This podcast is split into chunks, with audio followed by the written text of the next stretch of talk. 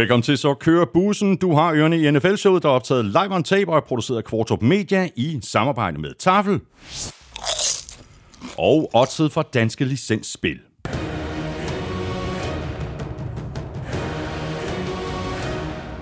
Husk, at man skal være minimum 18 år og spille med omtanke. Har du brug for hjælp til spilafhængighed, så kontakt Spillemyndighedens hjælpelinje Stop Spillet eller udluk dig via Rufus. Regler og vilkår gælder. Og så har vi i dag og i de kommende seks uger hele vejen gennem øh, slutspillet også selskab af Charbroil. Og det øh, betyder, at du endnu en gang, fuldstændig ligesom sidste år, har hele syv chancer for at vinde en Charbroil Grill to go, inklusiv tilbehør til en samlet værdi af 1.700 kroner. Og derudover så har vi igen i dag HelloFresh med som partner, og hvis du ikke allerede er kunde hos Hello HelloFresh, så kan du blive det i en fart. Og du kan ovenikøbet spare helt op til 725 kroner på dine fire første måltidskasser, og det kan du på hellofresh.dk, hvis du bruger vores kode FRESHNFL. Mere HelloFresh senere her i udsendelsen, hvor vi selvfølgelig går alle kampene fra 18. spillerunde igennem, og derudover så kan du se frem til ugen spiller for tafel, til quizzen og tips Crazy Stats fra Willumsen, og selvfølgelig en øh, spritny D-quiz fra Søren Armstrong. Tak fordi du er med os, tak fordi du downloader og lytter. Du finder os alle de sædvanlige steder, og derudover så kan du som altid lytte på Danmarks største og bedste fodboldsite, gulklud.dk, og selvfølgelig også på nflshow.dk, hvor du i ovenikøbet har muligheden for at støtte os med et valgfrit beløb ved at trykke på linket til tier.dk øverst på siden. Det ligger lige ved siden af linket til shoppen, hvor du kan købe lidt af vores merchandise. Jeg hedder Thomas Kvartrup, og her kommer min medvært.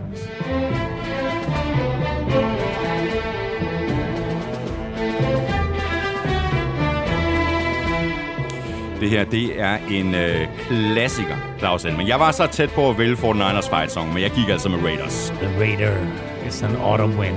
Det er det mest velvalgte stykke musik, du har øh, lavet meget, meget længe, fordi øh, grundspillet sluttede på magisk vis med, at Raiders kom i slutspillet.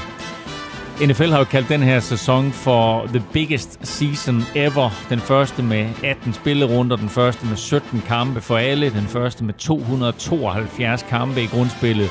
Og det hele slutter i overtime, og på det aller sidste play, der finder vi de to sidste playoff-hold. Ja, det er, det er, vildt, ikke? sgu crazy. Ja, det er fuldstændig vildt. Det er som et uh, Hollywood-manuskript, ikke? helt vanvittigt. Det er, det er rigged. Det er, it's a rigged game. it's rigged.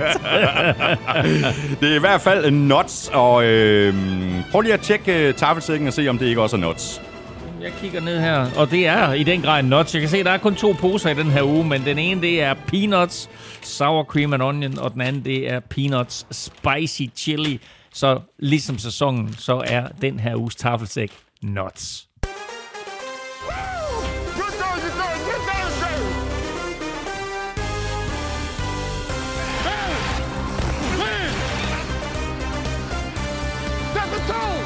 Ja, 18. spillerunde satte en tyk streg under, hvor vanvittig 2021-sæsonen har været. Knivskarpe afgørelser til det sidste, der afgjorde flere hold skæbne. Skulle de med i slutspillet, eller vil de slutte sæsonen på den forkerte side af kridtstregen?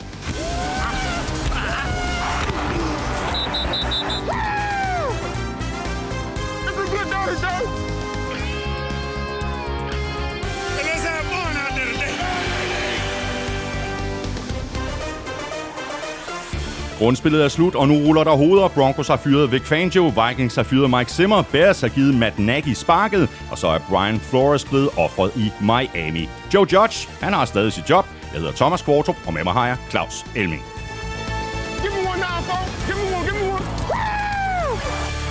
Ja, vi øh, taler selvfølgelig videre om de her øh, trænerfyringer lige om lidt, men allerførst Elming, øh, vi har allerede været kort inde på det øh, her under øh, fight-songen øh, fra, fra Raiders. Det her, det var den øh, vildeste afslutning, vi fik på sæsonen her i 18. spillerunde. Og hvis det bliver sådan hvert år, mm. så er det jo en rigtig god idé at få en ekstra spillerunde til, ikke? Ja, det var, det var en helt igennem øh, utrolig afslutning, men det har også været en vild sæson. Altså som sagt, den første sæson med 272 kampe. Ud af de 272 kampe, der er de 34 blevet afgjort på det sidste spil. Det er præcis en 8. del. Det vil sige, at hver 8. kamp ender på det sidste spil, svarende til to per uge. Mm. Altså, det er jo NFL's våde drøm, og den måde sæsonen sluttede på her, altså som du sagde, det er jo et Hollywood-script. Det kunne ikke være skrevet bedre. Det var ganske enkelt helt spektakulært. Det hele begynder selvfølgelig med Colts nederlag. Det kommer vi tilbage til. Men da de taber, så går alt andet jo bananas. Ja. Der er faktisk et uh, spørgsmål her fra Christian Brinker Norbæk. Uh, hvad er egentlig mest overraskende, skriver han?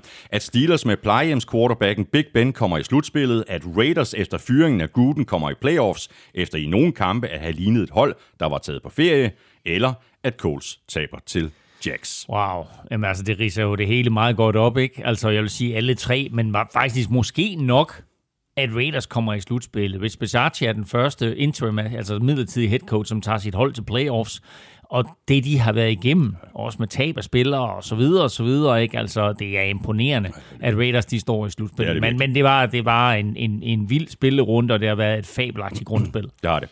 Og vi taler videre om uh, slutspillet og alle kampene fra uge 18 lige om lidt. Uh, lige her nu, der hopper vi uh, på grillen og skynder os at få sat gang i Charbroil-konkurrencen, hvor du altså kan vinde en Charbroil Grill to go plus udstyr til en samlet værdi af 1.700 kroner. Og Charbroil er altså med os igen øh, gennem hele slutspillet, fuldstændig ligesom sidste år, og vi satte øh, konkurrencen i gang i sidste uge på Twitter, Facebook og Instagram, hvor det første spørgsmål i vores sprit nye Charbroil Barbecue Byquiz lød sådan her.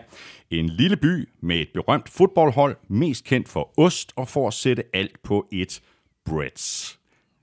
Den er god, Elming. Tak, tak, tak. Det er dig, der har skrevet den. Nå ja, tak, tak. og så og mega, mega svært første spørgsmål. Her, super, super svært første spørgsmål, ikke? Og jeg tænkte også, at Ja, altså, men det så du Vikings ikke i slutspillet, så lad os da bare få, få, få Green Bay ud af det der, ikke? og øh, svaret på øh, spørgsmålet her i den første udgave af den her Charbroil Barbecue Bygquiz øh, var selvfølgelig Green Bay, og der er kommet rigtig mange svar ind på mailen. Så nu mangler vi bare at finde den øh, første vinder af en Charbroil Grill to Go, plus en øh, taske, så du kan tage grillen med dig, og en øh, lille grilltang. Ja, det er faktisk en, en stor pincet, som er perfekt til at håndtere de sådan øh, lidt mere delikate ting, øh, du har på grillen. Den samlede værdi af gevinsten er 1.700 kroner. Og Elming, du sidder klar med alle sædlerne ned i sækken, så nu er det op til dig at trække en øh, heldig vinder. Jamen, jeg har besluttet mig for noget. Har du besluttet dig for noget? Jeg har besluttet mig for noget. Jeg har besluttet mig for, at her, nu trækker jeg simpelthen 1, 2, 3 sædler op. De vender alle sammen bunden i vejret, så du kan ikke se, hvad det er. Og så beder jeg dig om at trække oh. en, en af de tre her. Nu ligger der tre på bordet her. Sådan der. Så ja. vælger du en. Ja, men øh, jeg tager den midterste. Ja, tak. Og den midterste er Charbroil, Green Bay, og det er en kvinde, vi har fat i. Det er ikke så mange kvinder, vi har, der vinder i NFL-showet, men her der har vi faktisk en kvinde. Vi skal et smut til øh, Odense. Og så sidder Lilja derovre og tænker, er det mig, er det mig, er det mig? Nej, det er det ikke. jo, det er det. Lilja Brandstrup, du er vinder af den første Charbroil Grill to Go. Det var stærkt. Øh, jamen ved du hvad, jeg får sådan her. Lilja Brandstrup, øh, stort tillykke til dig. Jeg sender dit navn og adresse videre til Charbroil, og så sørger de for at øh, sende grillen til dig. Og så skal vi øh, faktisk allerede nu have næste quizspørgsmål, og det lyder sådan her. En øh, tidligere amerikansk hovedstad med masser af broderlig kærlighed, og som har en sandwich opkaldt efter sig med en kombination af steak og ost. Heller ikke det sværeste spørgsmål. Nej. Lidt sværere måske. Nej, jeg tænker... Stiger, stiger sværhedsgraden undervejs? Der, der er et par stykker af dem, som er lidt svære, men jeg synes, jeg har givet mange ledetråde. Okay, godt. Det var altså øh, ugens spørgsmål her i Charbroil Barbecue Bygquizzen. Hvis du svarer rigtigt, så har du altså chancen for at vinde en Charbroil Grill to Go plus en taske, så du tager grillen med dig, og derudover så får du altså også den her lille grilltang med, øh, som en del af gevinsten til en samlet værdi af 1.700 kroner. Du deltager ved at sende dit svar ind til mailsnablag.nfl.dk. Du skriver hashtag Charbroil og dit svar i emnefeltet, og i selve mailen skriver du dit navn og adresse. Og vi gør det hele igen næste uge, når vi trækker løjet blandt alle de korrekte svar. Husk at tjekke vores øh, Instagram og Facebook. Vi lægger nemlig også løbende grillopskrifter øh, ud, og den øh, første opskrift, som vi har lagt op, og som er super nem at lave på en Charbroiled Grill, det er opskriften på Greasy Smash Burger.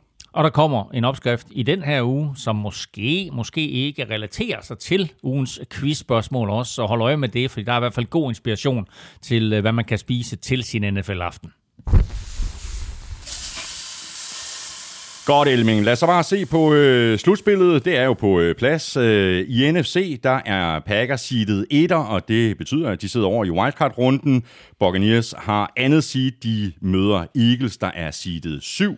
Cowboys er seedet 3, og de spiller hjemme mod 49ers, der er seedet 6. Rams har fjerde seedet, og de får så besøg af divisionsrivalerne for Cardinals, der har femte seed. Øh, var der ikke noget spørgsmål der? Øhm, jo, jeg kan vel i virkeligheden godt sige øh, det helt åbenlyse, at det er nogle vanvittige fede matchups, men det ville det vel dybest set have været, uanset hvem det var, der skulle møde hinanden, fordi øh, nu er det altså, det er nogle stærke hold, der er tilbage. Ja, der er helt sikkert øh, nogle, altså det er, der er nogle rigtig gode hold imellem, men der er også nogle hold, som vi tænker, wow, øh, skulle de virkelig i slutspillet? Øh, det er nok mest AFC-halvdelen, det drejer sig om, men altså man kan sige, ud af de seks wildcard-kampe, der er her i den kommende weekend, og de kalder det jo super wildcard-weekend, fordi nu er der pludselig seks kampe i modsætning til fire 4. Det blev indført sidste år øh, med de her to ekstra slutspilshold, så der nu er 14 hold i slutspillet i modsætning til 12 før, og dermed altså også tre wildcard-kampe. Og i år jo for første gang nogensinde en wildcard-kamp om mandagen. Mm. Øh, så det er altså første gang, vi får en wildcard-kamp om mandagen. Og der har vi altså øh, seks wildcard-kampe i den her kommende weekend. De fem af dem er rematches af opgør, som er spillet tidligere på sæsonen. Så der er altså enten mulighed for at gentage en sejr, eller få hævn for et, øh, et eventuelt øh, nederlag. Af de 14 playoff-hold, der var halvdelen ikke i slutspillet sidste år. Det er altså imponerende med NFL, ikke? Så Arizona Cardinals, Cincinnati Bengals, Dallas Cowboys, New England Patriots, Philadelphia Eagles, San Francisco 49ers og Las Vegas Raiders er nye i det fine selskab. Det er det, øh, NFL kan. Øh, den her øh, jævnbyrdighed, øh, hvor, hvor nye hold de, øh, de kommer til at kan gøre sig gældende, og det er jo det samme, vi ser, som du også øh, var inde på her i begyndelsen af udsendelsen, med de her øh, super øh, knivskarpe øh, afgørelser. Det er jo lige præcis det, NFL kan, og det de gerne vil. Lad os hoppe videre til øh, AFC, øh, hvor Titans sidder over som etter, Chiefs er seedet 2, de spiller hjemme mod Steelers, der er seedet 7, Bills er seedet 3, og de spiller mod øh, divisionsrivalerne fra Patriots, der har 6. seedet, Bengals er 4, og de spiller hjemme mod Raiders, der er seedet femmer. Og fuldstændig ligesom det gør sig gældende i, øh, i NFC, så er der nogle rigtig, rigtig gode øh, matchups. Det svageste øh, opgør, det er vel, øh, det er vel øh, Chiefs mod Steelers. Uden tvivl. Altså, øh, lørdag begynder øh, kl. 22.30 med Bengals mod Raiders. Wow, siger jeg bare. Mega fed kamp øh, at lægge ud med. Øh, jeg tror til gengæld, at Bengals er godt tilfreds med, at det ikke er Chargers, øh, de skal møde. Men altså, stadigvæk ikke. Altså, Raiders er der, og når du er i playoff, så kan alt ske. Den bliver efterfulgt af den næste fede AFC-kamp, nemlig Bills mod New England Patriots. Det er så øh, natten til søndag kl. 02.15, og så 02.15 dagen efter, altså natten til mandag, der er det så Chiefs, de møder Steelers. Øh, jeg vil sige, alt er åbent i det her slutspil, men jeg kan ikke se Steelers tage til KC og vinde der. Nej, det kan jeg heller ikke. Vi øh, kommer til at tale øh, mere om de her matchups øh, senere, blandt andet når vi skal lave vores picks til, til sidst i udsendelsen. Men lad os lige tale nogle trænerfyringer, Elming, fordi nu er vi fremme på den tid af året, hvor der falder brænde, og det gør der stort set hver eneste år. Den ene head coach efter den anden får sparket. Urban Meyer er jo allerede ude af døren i Jacksonville, og så var det ellers Black Monday for alle pengene. Vic Fangio har fået sparket i Denver, Vikings har fyret Mike Zimmer, Bears har sagt farvel og tak til Matt Nagy, og så er Brian Flores fortid i Miami. Vi kan bare tage dem fra, fra en ende af, og vi kan eventuelt øh, lægge ud med et, et spørgsmål her fra Henrik Drejer Andersen. Han skriver sådan her, hvad er jeres vurdering af fyringen af Brian Flores? Jeg synes umiddelbart, det er en smule overilet, når man kigger på, hvor meget bedre Dolphins er blevet på de tre år, han har været der. Jeg er helt enig. Øh, jeg synes, at han har øh, gjort underværker øh, i Miami, og det er klart, at tidligere på sæsonen, da de var 1-8, der var der en masse rygter, der florerede om, at Brian Flores han var færdig. Der opstod i den periode også gnidninger mellem ham og general manager øh, Brian Greer, og øh, det betyder så, at øh, general manageren trak det længste strå. Øh, der er en, der skal smutte, når, når der er gnidninger mellem head coach og, og, og general manageren. Øh, og det blev altså Greer, som fik lov til at blive, og Brian Flores, som, øh, som blev fyret. Men altså, der har været masser af reaktioner på den her fyring, som, som bare siger, at det her det er fuldstændig tåbeligt. Det her det er en rigtig, rigtig god coach. Ja. Og det, han har gjort med Miami i de tre år, han har været der, øh, er altså noget, som vi ikke har set i, i 10-15 år i Miami, hvor det har stået virkelig, virkelig skidt til. Så han har fået noget... Altså, bare den, den ene ting, og jeg tror faktisk, jeg har sagt det her i NFL-showet også, et fyldt stadion i Miami. Ja, ja, ja. Hvornår har vi sidst set det? det er mange, mange har, år siden. Det har Brian Flores ja. sørget for.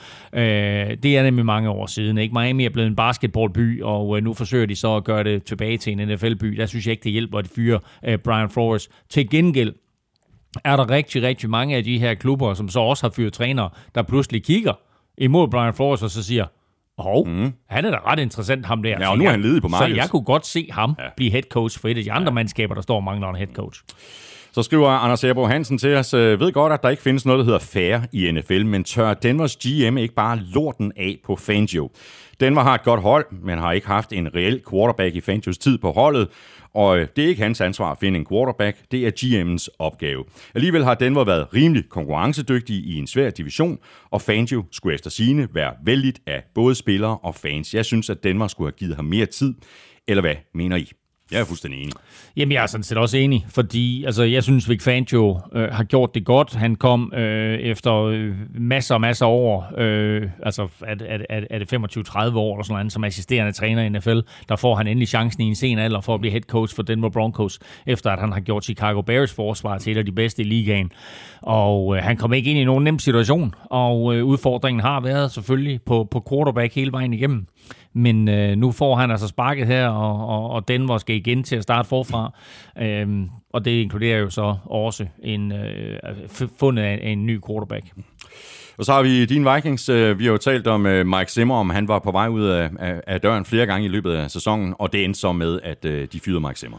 Ja, og igen kan man jo sige, okay, der var nok behov for nyt blod, men det bliver svært at finde en træner, der er lige så dygtig som Mike Zimmer. Altså, det er en, en, en mand, som også har gjort underværker i Minnesota, men jo nok har skuffet, ikke mindst i de sidste to sæsoner, hvor det er jo, man kan sige, hans forsvar øh, skal være blandt de bedste i ligaen. Det er, det er hans claim to fame.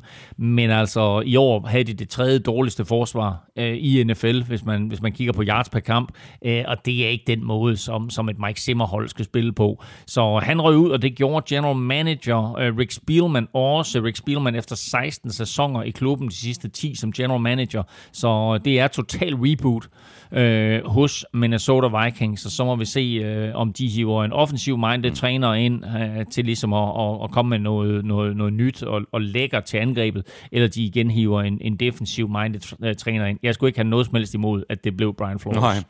Og så øh, har vi også talt om øh, Matt Nagy masser af gange, og at øh, det bare var et, øh, et trafikuheld, der, der ventede lige rundt om hjørnet, og ja, øh, han røg altså også. Ja, og vi havde også dobbelt op i Chicago, fordi Ryan Pace, general manager, røg også ud der, så øh, de tager altså også en total reboot.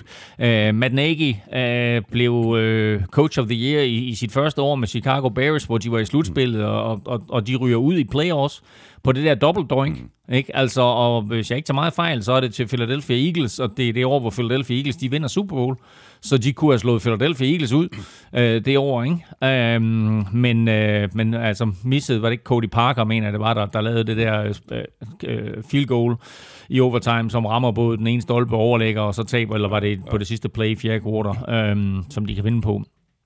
Øh, og øh, der blev han coach of the year og var tæt på at komme videre i slutspillet. Og så er det gået ned ad bakke øh, derfra. Og nu ryger han altså ud med badevandet her. Og det gør Ryan Pace også. Ja. Så øh, nye tider i Chicago på vej. Og så er der også øh, rygter om øh, head coach David Collis fremtid øh, i Texans. Jeg synes, det er lidt svært at forlange mere af ham, end det han har gjort med det, han har haft at arbejde med. Det er vel, det er vel ikke hans skyld. Altså prøv at høre, Texans har gjort det øh, præcis lige så godt som jeg forudsag inden sæsonen. Jeg sagde, at de ville få 4-5 sejre i løbet af sæsonen, og ganske rigtigt, det nåede de op på. Og jeg synes, at David Colley Uh, har været et frisk pust i, i Houston, hvor han blev sat ind i meget, meget svære omstændigheder. Ja. Og han sagde i går, jamen altså, jeg ser frem til den kommende sæson. Sagt på en anden måde, jeg forventer ikke at blive fyret. Og nu må vi så se, ja. hvilken retning Texans går i. Og så har vi øh, lidt rygter også, øh, eller måske mere end rygter, i øh, Pittsburgh. GM Kevin Colbert har været GM for Steelers i mere end et øh, årti. Der er så vedholdende rygter om, at han vil blive skiftet ud, men først efter draften. Mm. Øh, store ændringer i Pittsburgh i virkeligheden på vej, fordi hvis både han og Big Ben smutter på en gang. Ja, ingen tvivl om det. Altså, Big Ben øh, er, jo, er jo færdig, men øh, nu får han altså lige minimum en ekstra kamp mere. Mm. Uh, så så uh, fedt, at han får lov til at slutte af med, med en slutspilskamp. Uh, Colbert uh, tager draften med, og det kan man jo så undre sig lidt over. Altså, hvorfor skal en, en, en general manager, som vi ved er på vej ud, hvorfor skal han have draften med? Men det er simpelthen fordi, det der med draften, det er så vigtigt at have rutinerede kræfter, og jeg tror også, at uh, ejerne i, i uh, Pittsburgh jo altid holder fast i deres ansatte i meget længere tid end mange andre ja. organisationer. Uh, det har de gjort helt traditionelt. Ikke? Altså, hvad er Tomlin? Han den, den fjerde, fjerde eller femte head coach i, i klubbens historie, ikke? Eller, jeg tror, han er fjerde. Fjerde head coach, ja. ikke? Altså, Øh, så de, det er ikke sådan, at de panikker ikke som så mange andre øh, klubber, altså, som man kan sige, altså Steven Ross i Miami Dolphins, ikke? Altså er det ikke lidt panikagtigt, han smider, han smider Brian Flores ud, ikke? Altså der er ikke noget panik i Steelers organisationer, derfor så tror jeg også, at de siger, hey, nu gør du lige den her draft færdig, fordi du har så stor rutine og, og, og har haft så stor succes med at finde gode spillere til os. Nu gør du lige den her draft færdig, og så overlader du Steelers i god forfatning til den næste general manager.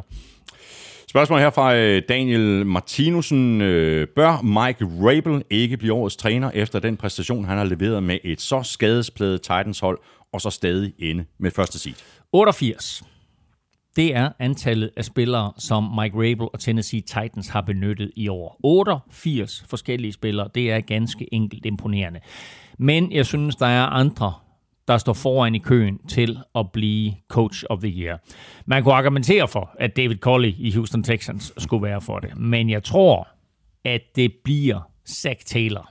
Altså, den chokerende turnaround, som Cincinnati Bengals har foretaget her, hvor han inden sæsonen var stor favorit til at blive den første træner, der blev fyret, til at de vinder AFC North, og har måske det sjoveste angreb overhovedet af noget hold, der er i slutspillet det synes jeg berettiger ham til at blive coach of the year. Det skulle ikke under mig, at det bliver ham. Nej, det er vel også bare et øh, bevis på, at øh, holdene netop øh, skal have mere tålmodighed, fordi Præcis. de kunne have fyret Zach Taylor flere gange. Ikke? Det kunne de. Der var ja. snak om det allerede efter første år, og efter andet år. Og øh, nu her efter tredje år, ej, han er kanon, han er kanon. han er geni. Øh, indspark her fra øh, Nikolaj Witt Nielsen. Han skriver sådan her. Mange playoff-hold vælger at spare nogle af deres stjernespillere i sidste runde. Betyder det så, at de ikke får løn for den uge, der er jo tale om en betydelig størrelse penge, når det er de store stjerner, vi taler om. Nej, naturligvis ikke. Hvis det er klubben, der vælger at uh, spare dem, så, så får de deres løn uh, fuldstændig som normalt. Men der var en lidt bizarre situation i, hos New York Giants, som uh, ikke havde råd til at stille med fuldt hold mm. i uh, sidste weekend her. Så Dave Gettleman, som jo uh, ryger ud for uh, New York Giants, eller ikke ryger ud, han har uh, fået lov til at, at gå på pension. Uh, han, uh, han slutter altså af med lige at efterlade uh, New York Giants i, en, i et, et et, hul, hvor de faktisk ikke har penge tilbage på lønloftet til at kunne stille et fuldt hold i sidste spilleuge. Så det var sådan en uh, farvel og tak for, for, for den her gang. Ikke? uh, Nikolaj Witt Nielsen har faktisk et spørgsmål mere. Uh, nu hvor grundspillet er slut, hvem er så jeres bud på Comeback Player of the Year? I har før haft spørgsmålet oppe at vende, men hvad er status nu? Kunne Dak ikke være med i den uh, samtale oven på hans skade sidste år? Jo, og Dak Prescott er helt oplagt bud. Han er helt oplagt bud, men igen vil jeg bare gå Bengelsvejen og så sige, Joe Burrow kommer tilbage fra en alvorlig mm. knæskade øh, og har katapulteret sig selv ind i MVP-ræset, så øh, jeg tror, at, at han bliver comeback player of the year. Mm. Og så har øh, Washington øh, Football Team jo meldt ud, at de vil øh, annoncere deres nye kælenavn i begyndelsen af februar. Men hov, hvad var det? I havde også en historie på gudklud.dk mm. om det. Kom de til at røbe deres nye navn her forleden, der var noget på nettet, og så øh, det dirigerede et eller andet sted hen, og så efter et par minutter, sådan, så dirigerede øh, linket et andet sted hen. Ja, præcis. Øhm, Harry Potter er jo blevet et verdensomspændende fænomen. Og øh, selvfølgelig i USA, så er der en Quidditch-liga. Og kender man ikke til Harry Potter, så er det sådan et fiktivt spil, hvor de flyver rundt på koster og kaster med bolde. Øh, der er ikke nogen, der flyver rundt på koste i USA øh, endnu, men øh, der er simpelthen en Quidditch-liga. Og øh, Washingtons Quidditch-hold hedder Washington Admirals. Og WashingtonAdmirals.com pegede lige pludselig på Washington Football team.com. Øhm, og det gjorde den så ikke ret længe, inden den så pegede over på et eller andet, var det et køkken, køkkenfirma, køkkenfirma ja. whatever det var. Ikke? Øhm, så øh, måske er det røgslør, måske er det for at, at, at, at skabe noget hype eller et eller andet, og det, hypen er jo sket, fordi det, det var den mest læste artikel inde på gulklud.dk ja. i sidste uge, ikke? så altså øh, på en eller anden måde, så, så har de jo formået at gøre det, de vil, hvis det er sådan, at de snyder os alle sammen, men altså lige nu, der lader det til, at Washington Admirals er det nye hold. Eller er det nye navn for Ja, ja, præcis. Lad os så bare uh, tale lidt uh, fodbold, ikke NFL, men uh, college football, fordi der blev spillet college-finale i nat. Kampen stod mellem de forsvarende mestre, Alabama, uh, spillet mod Georgia Bulldogs, og det blev da en øh, helt vild kamp, som Georgia så afgjorde sent. Vild kamp, man. Uh, de vinder en, en, en tæt kamp, hvor Alabama jo førte 9-6 ved pausen efter fem field goals i første halvleg. Øh, Georgia scorede kampens første touchdown. I tredje kvartal kommer foran 13-9. Det var også stillingen i starten af fjerde kvartal, hvor Alabama så scorer sit første touchdown uh, foran 18-13. Og derfra der gik tingene amok. Uh, Georgia scorede to offensive touchdowns og sluttede af med en 79-yard pick 6 på øh, Heisman Trophy winner Bryce Young, der har jo kastet to interceptions for første gang i karrieren. Uh, og så endte det 33-18, hvilket slet ikke øh, viser, hvor tæt den her kamp egentlig var. Men øh, det var Georgias første mesterskab i 41 år, og dermed så fik de revanche både for nederlaget i finalen i 2018, og også for nederlaget mm. i den øh, sidste kamp i college-grundspillet.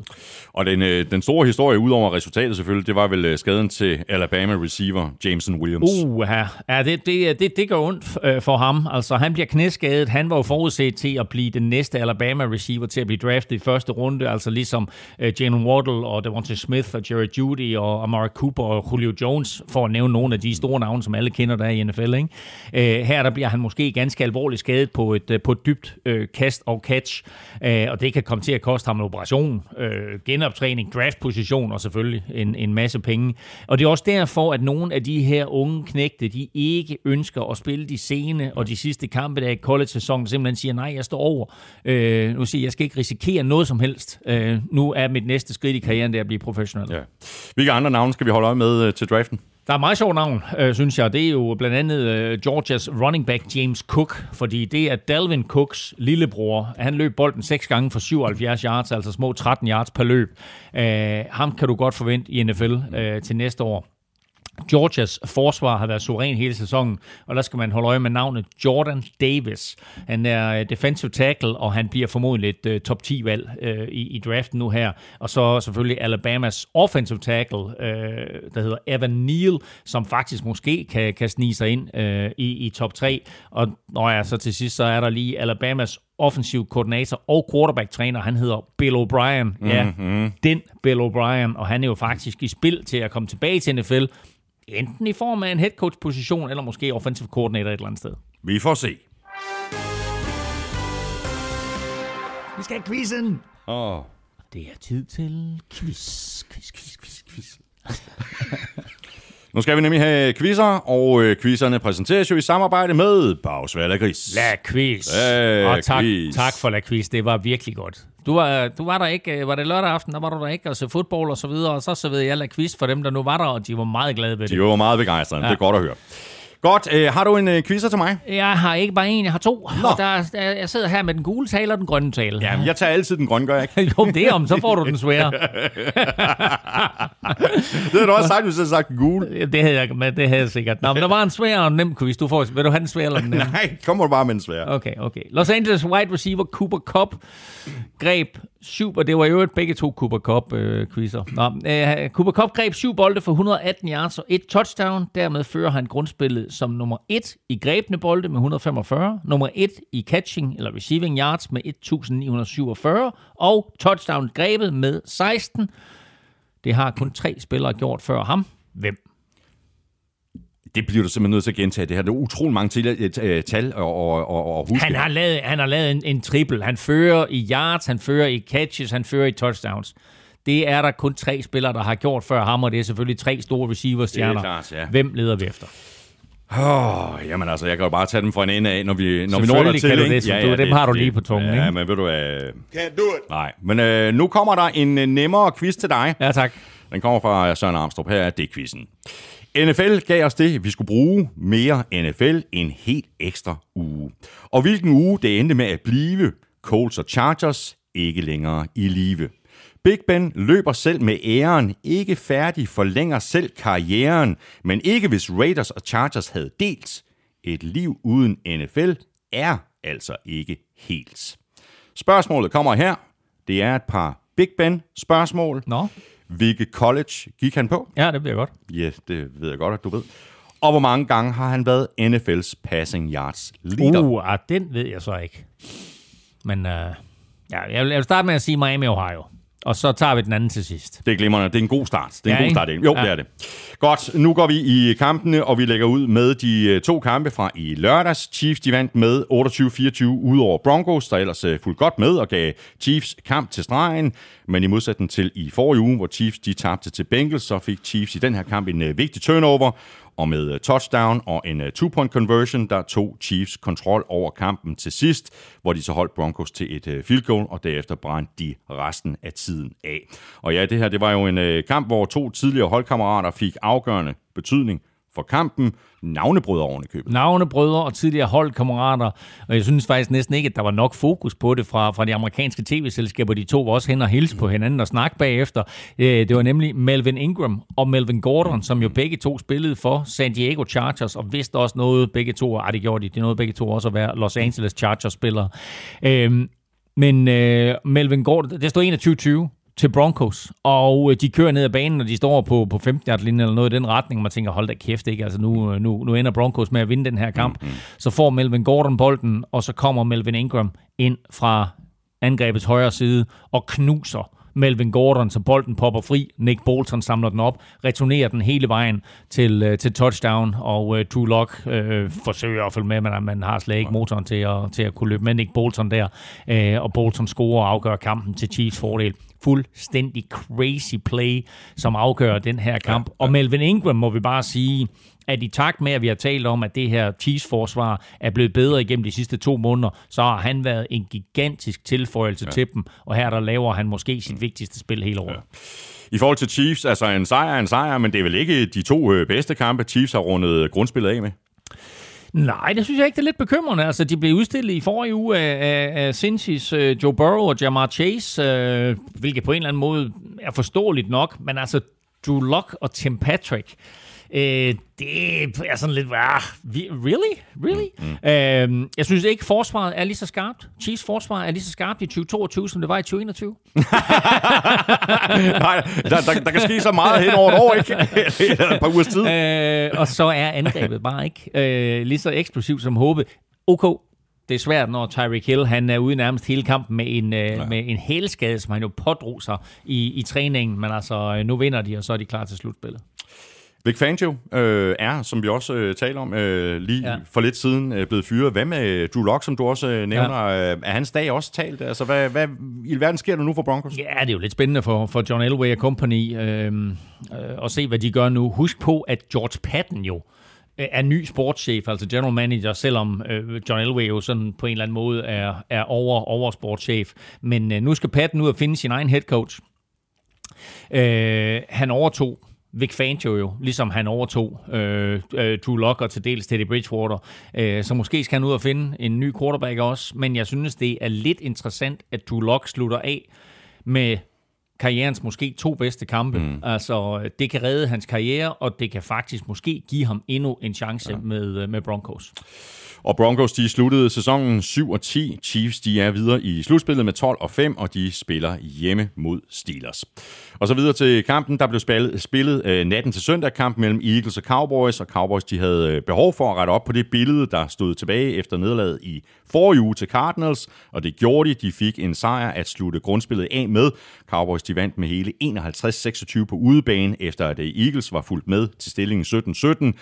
Cowboys, de producerede 475 yards på angrebet, konverterede 8 af 13 på tredje down, og Dak Prescott, han completed lige 21 af 27 for 295 yards og hele 5 touchdowns. Det er lidt svært at sætte en finger på den indsats, Elming, men omvendt, den her store sejr, den kom så også lidt på en billig baggrund, ikke? Måske lidt. Jeg tror, du er ved at sige, at kampen den blev spaltet øh, lige før, ikke? At den blev, og det var næsten en atomeksplosion, som, øh, som Cowboys de kom ud med her. Men uh, Eagles var hårdt ramt af øh, corona. De stillede op med 11 spillere, som de havde forfremmet fra deres practice squad. Uh, de lå også Jalen Hurts sidde udenfor og startede i stedet for Gardner Minshew, og så var øh, den defensive bagkæde jo nærmest fuldstændig ny. Så øh, ja, det var ikke lige frem, hvad skal vi kalde det, øh, Dion Sanders og, og Charles Woodson, som, som Dak Prescott han kastede imod. Men øh, derfor er det stadigvæk vildt at kaste fem touchdowns, og så lige smide 50 point på tavlen. Ja. Og så fik vi også et par øh, Cowboys-rekorder her i 18. spilrunde. Ja, det gjorde vi. Øhm, og det her, det var så de første... Altså prøv at høre, der var et hav af, af, af rekorder i 18. spilleuge her, som på en eller anden måde kun bliver sat, fordi det er 18. spilleuge. Og jeg har ikke tænkt mig at nævne dem alle sammen. Jeg kommer til at nævne nogle i løbet af udsendelsen her. Men altså her, der, der fik vi et par rekorder sat med den der ekstra spilleuge. Øh, og derfor er de jo ikke direkte sammenlignelige, men man kan også sige det på en anden måde, at nu er der så en ny standard, ja, ja. vi skal forholde os til. Øh, der kan komme op på 37 touchdown-kast i sæsonen, og det er et mere end uh, Tony Romo havde. Man kan så også sige, okay, der kan sige udenfor øh, i, i hvad, halvanden kamp, i hvert fald ikke i, i, i sæsonen. Øh, Cowboys 530 point i sæsonen er også klubrekord. Og så kommer den vilde 22 forskellige spillere har scoret touchdown for Cowboys i år. Det er NFL-rekord. Mm. Det er ikke kun Cowboys-rekord, mm. det er NFL-rekord. 22 forskellige spillere. Prøv lige at tænke det er over også, det. Det er også helt vildt. Det er, det er en stak. Ja. Eagles øh, så er faktisk også lige for, at øh, et par af deres øh, profiler, de kunne slutte øh, grundspillet flot af. Ja, de lå center, Jason Kelsey, starte kampen, øh, og så lige få et enkelt snap, inden de skifter ham ud, og dermed så er han nu på 122 kampe startet i træk, hvilket er flest blandt øh, alle NFL-centre. Øh, og så greb Devontae Smith lynhurtigt. Tre bolde for 41 yards og kom op på 916 i sæsonen. Dermed så sætter han rookie-rekorden for Eagles, og det er ikke hvem som helst, han tager den fra. Det var nemlig Deshaun Jackson, der havde den. Øh, de her tre catches, de kom alle sammen i første kvartal, og så så han Devontae Smith, så så han resten af kampen fra sidelinjen. Eagles de sluttede sæsonen 9 og 8, og de er videre i slutspillet. De spiller ude mod Buccaneers. Cowboys de er også videre. De sluttede 12 og 5, og de får besøg af 49ers. Og så har vi øh, kampen mellem øh, Vikings og Bears, kampen mellem øh, to head coaches, der allerede på det tidspunkt vidste, at det nok var deres sidste kamp i spidsen for deres respektive mandskaber. Bears de kom bedst fra start, om at Nagy var offensiv og gik på den på fjerde down hele, jeg tror, seks gange. Det lykkedes så kun at konvertere den ene, og dermed blev der efterladt point på banen, der kunne have gjort kampen tættere, sådan rent scoringsmæssigt. Vikings de vandt med 31-17, og vi må sige, at Vikings-holdet gav hjemmepublikummet en god afslutning på sæsonen. Det gjorde de, og det gjorde de faktisk sådan lidt med omvendt fortegn, fordi det har været et Vikings-hold, som er kommet som skudt ud af en kanon i alle kampe, og så har været i stand til at vinde nogen og vinde dem, øh, men jo også har øh, indkasseret point sidst i første halvleg, og tit sidst i anden halvleg, og så har tabt kampe. Her der er de bagud 14-3 ved pausen. Når lige at få det der field goal til aller, aller sidst i første halvleg, og så skal det ellers love for, at de kommer ud og spiller en vild anden halvleg. Altså det, det er måske den bedste halvleg, Kirk Cousins øh, har spillet hele hele året. Han kaster tre touchdowns og til tre forskellige spillere i øvrigt, og øh, Patrick Peterson øh, returnerer en interception øh, til touchdown, så øh, stor sejr til Vikings på hjemmebane over Bears. En øh, super flot afslutning på en skuffende sæson. Mm. Vi troede jo øh, begge øh, et, et langt stykke hen ad vejen, at øh, Vikings ville komme med i slutspillet. Der er flere gode hold, der, der lige akkurat ikke kom med. Mm. Vikings må vel være et af de bedste hold, der ikke kom med i slutspillet. Ja, yeah, jo, altså jeg vil sige... Er også Colts for eksempel. Ja, Chargers og Colts er nok bedre end Vikings, men altså i NFC-halvdelen, der vil jeg da nok sige, at, at det er det bedste af de hold, der ikke kom i. Altså, de kan jo slå alle, øh, men de tabte for mange dumme kampe, og de var for ustabile i løbet af sæsonen. Øh, som sagt, øh, Simmers claim to fame var, har været forsvaret, og det har bare ikke været godt nok de sidste par år.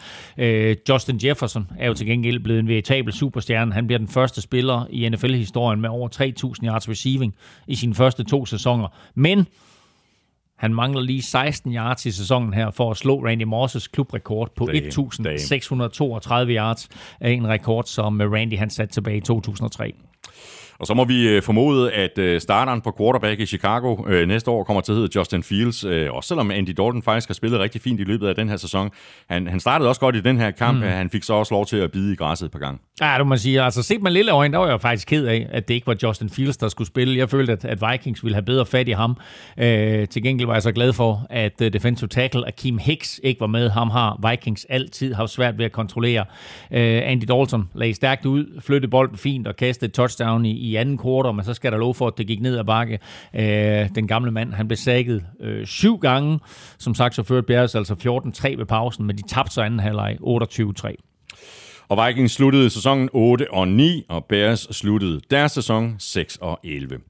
Og så skal vi til øh, kampen mellem Giants og Washington Football Team, og den kamp den endte med en øh, sejr på udebane til Washington på 22-7. Ikke ligefrem med den kamp, hvor der sådan var mest på spil, i hvert fald ikke i forhold til slutspillet, men der er et øh, par spillere på Washingtons angreb, der blev ved med at imponere mig. Terry McLaurin kom over mm. 1000 yards for andet år i træk, ja. og så har vi Antonio Gibson, der også fik en fornem afslutning på sin sæson. Scary Terry, du. Altså han er, han er virkelig, virkelig god, og han, han, han kunne være superstjerne i alle klubber. Ja. Uh, men, uh, men Antonio Gibson der slutter af med personlig rekord, øh, 140-42 yards. Har du den? Ja, 140 øh, yards, tror jeg, det var cirka. 146, 146 yards, og, og touchdown. Og score touchdown. Mm. Og i det hele taget var det den her måde, som Washington jo gerne vil spille fodbold på. Øh, dominere i løbeangrebet, og så spille ondt forsvar. Øh, efter kampen var head coach Ron Rivera jo også mere ærgerlig over sæsonen end han var glad øh, for, for, for den her sejr. sejr.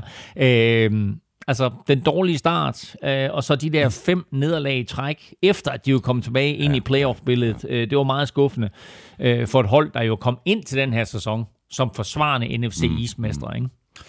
Nu er sæsonen så slut for, for begge mandskaber, øh, men øh, Washington vil gerne have sådan lidt mere opmærksomhed. ja, Eller hvad? Jo, jo. Altså, jamen, der har jo været så meget ballade på de indre linjer, og for den sags skyld de ydre, øh, at, øh, at de ligesom føler, at de har været nødt til at opfinde nogle lynafledere. Mm. Ikke? Altså, øh, vi husker det der med, med, med Sean Taylor, der pludselig skulle have sin trøje pensioneret, fordi der var noget ballade, og så skulle man lige det var rigtig godt, det var rigtig godt opmærksomhed. Det var rigtig godt time. Nu her er der, er der ny ballade, og så øh, siger de, hey, vi kommer med et nyt navn, ikke? Og der tænker jeg, kunne der for helvede ikke bare offentliggøre det? Nej, nej, nu er det slået stort op, og de kommer med sådan en eller anden 10 minutters hype-video, hvor man bare siger, okay, jeg falder i søvn, inden den der video den er færdig, ikke? øh, men de præsenterer det nye navn den 2. februar, og det er jo et genialt tidspunkt, lige efter AFC og NFC-finalerne, og inden Super Bowl-hypen sådan for alvor går i gang. Øh, jeg er bare træt af, at nu har vi lige vendet os til, at Redskins hedder football team, og så skal de gå hjælpe med at have et nyt navn. Altså forvirringen bliver total. det bliver spændende at se, hvad, om det bliver Admirals eller, eller noget andet. Jeg gættede meget tidligt på, at uh, de vil komme til at hedde et eller andet sådan relateret til forsvar eller præcis, USA's øh, præcis. militær. Ikke? Det ligger også lige til højre poten, altså Washington hovedstaden. Ja, det er i hvert fald floden, ikke? Man er tæt, tæt på. Ja, ja, ja. ja. Nå, øh, jeg nævnte det i, øh, i begyndelsen af udsendelsen i, i vores kending. Øh, Joe Judge øh, ja. er altså ikke blevet fyret. Han er den øh, første Giants head coach til at tabe 13 kampe i en ja. sæson. Hvordan kan Joe Judge overleve den her afslutning på sæsonen? Ja, bare i det hele taget sæsonen. Jamen prøv at høre, ikke bare har det været en forfærdelig sæson, men det der med at køre et quarterback sneak på tredje down og ni fra egen 4 linje yes. Altså, den fik buråbende frem på MetLife Stadium. Han forsvarede det efter kampen med, at han ikke ville risikere en safety for anden uge i træk, og han ville væk fra egen endzone, så de kunne få plads til at ponde. Uh, okay, det virkede. Men det er det mest uambitiøse play, jeg nogensinde har set. De undgår det ikke. Jake Fromm får på en eller anden magisk vis kastet touchdown til Darius Slayton.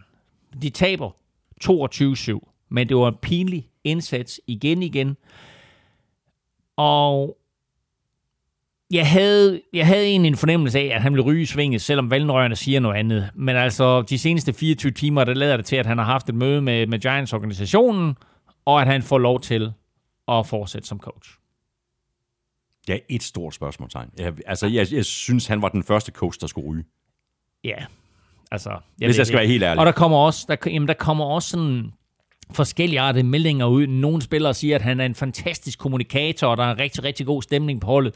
Andre siger, nah, men, og vi havde det der ballade der med, at han mm. opfører, mm. altså du ved, at han, han, han behandler dem som børn og sådan noget, ikke? Men altså, øh, han har jo taget meget af, af, hvad skal vi sige, sin Bill Belichick lærdom med sig og prøver på at coach det her hold på samme måde som Bill Belichick. Det er der nogle spillere, som reagerer rigtig positivt på, og andre spillere, der slet ikke kan forholde sig til. Mm. Så jeg tror, den er sådan meget todelt, og så kan man sige, okay, til hans forsvar, de har haft gigantiske quarterback-problemer. Der er, øh, det er ikke den skarpeste offensiv linje, de har i hele verden. Øh, men altså prøv at de har scoret i de sidste fire kampe, der har de scoret 26 point til sammen. I fire kampe? I fire kampe. Ja. Giants sæson er slut. 4 og 13 endte den med. Washington er også over and out, og der er de med 7 og 10. Og så gik det jo øh, nøjagtigt, som du spåede i sidste uge. Lions de vandt øh, over Packers med 37-30, og det er nok et nederlag, øh, de fleste Packers-fans de tager med ophøjet ro. Første seedet var jo på plads, men for Lions vedkommende, og måske ikke mindst for head coach Dan Campbell, så var det her en øh, vigtig sejr at slutte sæsonen af med en sejr over Packers. Det er jo en, jo en rigtig stor øh, skald til samlingen. Ikke? Præcis. En sejr er en sejr, og en sejr for Lions over Green Bay er stort, uanset omstændighederne. Lions slutter altså sæsonen 3-3 mm. i de sidste seks kampe, ikke? Øh, så det er noget, man kan bygge videre på, og, og selvom der blev gjort lidt grin med, med den Campbell inden sæsonen, så spiller holdet hårdt for ham. Øh, og spillerne har købt ind på, på det her projekt. Jeg glæder mig til at følge dem. Ja, og så har vi jo set det mange gange i løbet af den her sæson. Dan Campbell er altså ikke bange for at gå på den på fjerde down og diske op med det ene trickspil efter det andet. Øh, sådan var det også i den her kamp. Lions gik all in og havde faktisk succes med flere af de her ja. trickspil. Prøv det var, det var jo faktisk skide sjovt at sidde og se på. Øh, og det har det været hele året. Øh, de har været aggressive. De er gået på 28 fjerde downs i løbet af sæsonen. Præcis. Det er jo flere end noget andet hold i NFL, og vel sagtens flere end noget andet hold i NFL-historien. Og her der hiver de to, jeg ved ikke, hvad, hvad man skal kalde dem, men det er jo en slags double reverse, mm. double reverse passes, øh, begge to, ikke? Altså, som tager Packers på sengen begge gange, og de scorer touchdown på dem begge. Øh, Amon Ross St. Brown mm. fik sine otte catches igen, igen, igen. Ikke? Jeg tror, det femte kamp i træk, eller var det sjette kamp i træk med otte catches. Ikke? Altså, det er helt vildt. Og griber touchdown, i øvrigt til stor jubel for far John Brown, og så moren, som sad sådan i halvt Lions tøj og halvt Packers tøj, fordi brormand Equiminius jo øh, spiller for, øh, for Packers, men en, en stor dag for familien, der nu hedder St. Brown. Jo.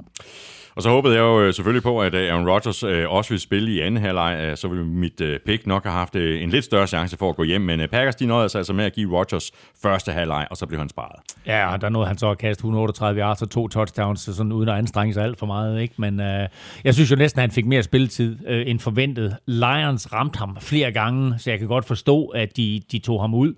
Øh, han var skarp, mens han var inde. Ikke? Øh, det var Jordan Love til gengæld ikke. Altså, han kommer ind og, og i, altså, Rodgers fik en halvleg, kaster to touchdowns. Jordan Love får en halvleg, kaster to interceptions. Øh, så han er nok ikke helt klar til at overtage ansvaret endnu. Øh, til gengæld to gode nyheder. David Bakhtiari var tilbage på venstre tackle lige i tid til playoffs. Talk about timing, ja, ikke? Ja. Øh, og så er Sadarius Smith clearet til at komme tilbage til playoffs. Kæmpe ja, gevinst. Ikke så Kæmpe gevinst for Packers forsvar. Så er de jo fri i næste uge, så de to der, de har ekstra tid til at komme sig og så videre. Ikke? 14 dage til næste kamp. Win, win, win. Bortset fra, at de tabte til Lions. Lions øh, skal ikke mere i 2021-sæsonen. De sluttede 3-13 og 1. Packers er til gengæld videre. De har altså første seedet i NFC og sidder dermed over i wildcard-runden. Og så havde Buccaneers seeding at øh, spille for i kamp mod Panthers. Øh, uh, Bucks de kom bagud med 7-0, så fandt øh, Brady opskriften. Han pillede Panthers cover 2 forsvar fuldstændig fra hinanden og bragte Buccaneers foran med 17-7. Og så var det ellers speederen i bund for Brady, der completed 29 af 37 for 326 yards og tre touchdowns. Og så var der ligesom kontrol over den kamp. Bucks vandt med 41-17, og så havde de lige pludselig andet seeds. Resultaterne faldt ud, som de skulle, og så havde Box jo en ret nem afslutning på sæsonen, som du skitserer her mod et øh, Panthers-hold, der bed fra sig, men trods alt ikke kunne følge med. Uh, nu går playoffs så de to første kampe igennem Tampa, og hvis nu Packers skulle tabe divisionsrunden, så kan Box jo altså have hjemmebane hele slutspillet, uh, hvor de jo som bekendt spillede en enkelt kamp i sidste års uh, succesfulde uh, slutspil, som jo endte med en Super Bowl sejr på hjemmebane.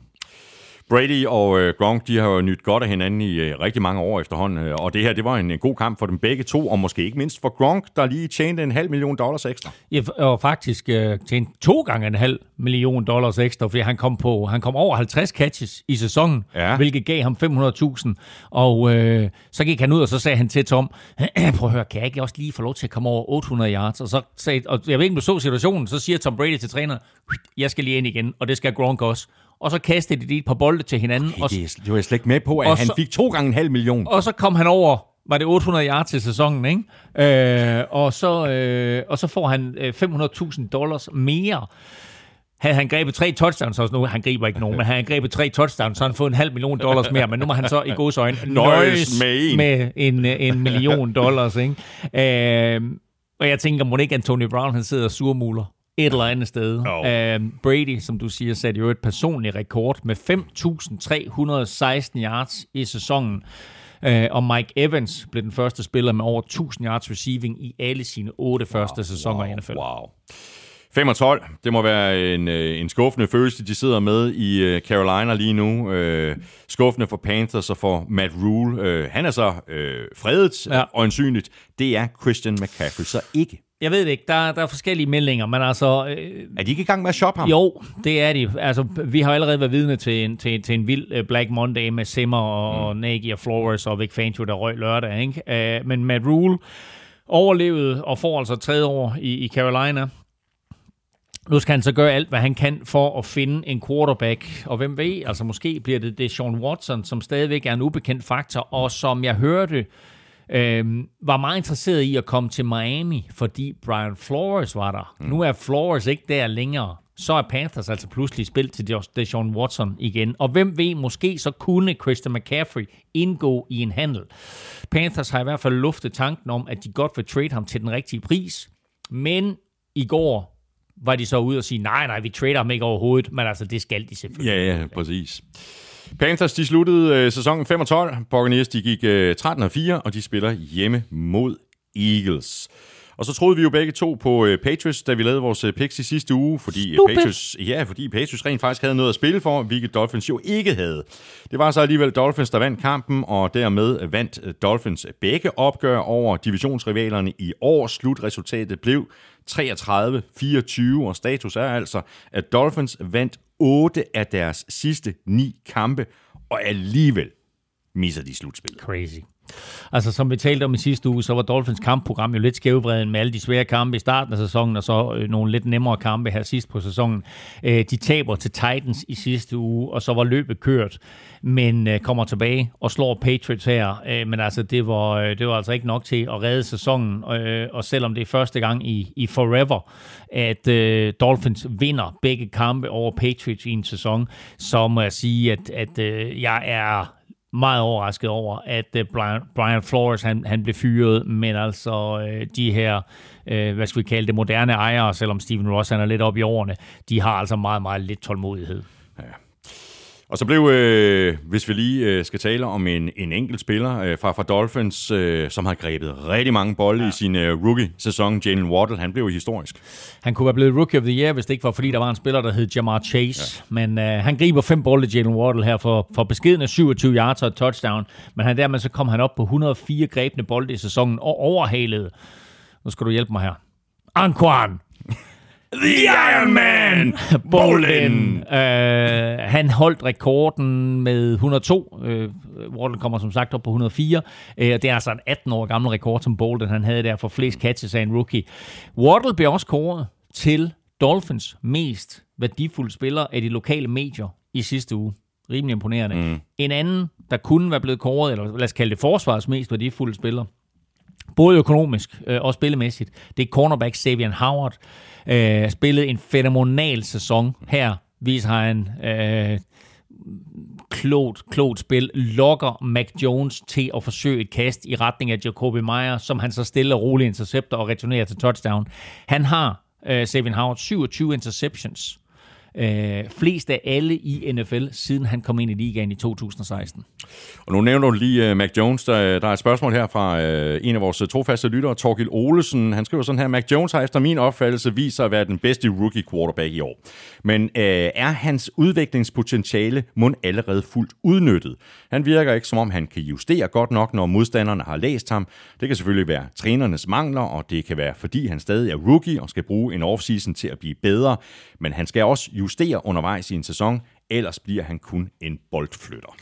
Jeg tror ikke, man skal begynde at kritisere trænerne i New England Patriots. Så er man i hvert fald meget modig. Men ja, øh, han er gået lidt ned i tempo her i den sidste måneds tid og det er han måske, fordi der kommer et lille blueprint ud på at stoppe ham, og det er simpelthen at tvinge ham til at kaste ydersiden. Prøv at høre, i, i alle de år, vi husker Brady i det her Josh McDaniels angreb, ikke? alle de der kast ind over midten til Julian Edelman og Wes Welker og Gronk og så videre, øh, og det havde Mac Jones også stor succes med i starten af sæsonen, men det er ligesom om, at, at hold øh, ved at tage kastene ind over midten væk, tvinger ham til at kaste ydersiden, og der er han altså blevet lidt mindre effektiv. Øh, nu må vi se, nu er de i slutspillet, hvilket bare er sindssygt imponerende af et Patriots-mandskab ja. med en rookie quarterback. Ja. Men hvad er der med uh, Patriots uh, mod Dolphins i spil uge 17, eller uh, nu var det jo spil uge 18, jeg ved ikke, om du forstår, hvad jeg mener?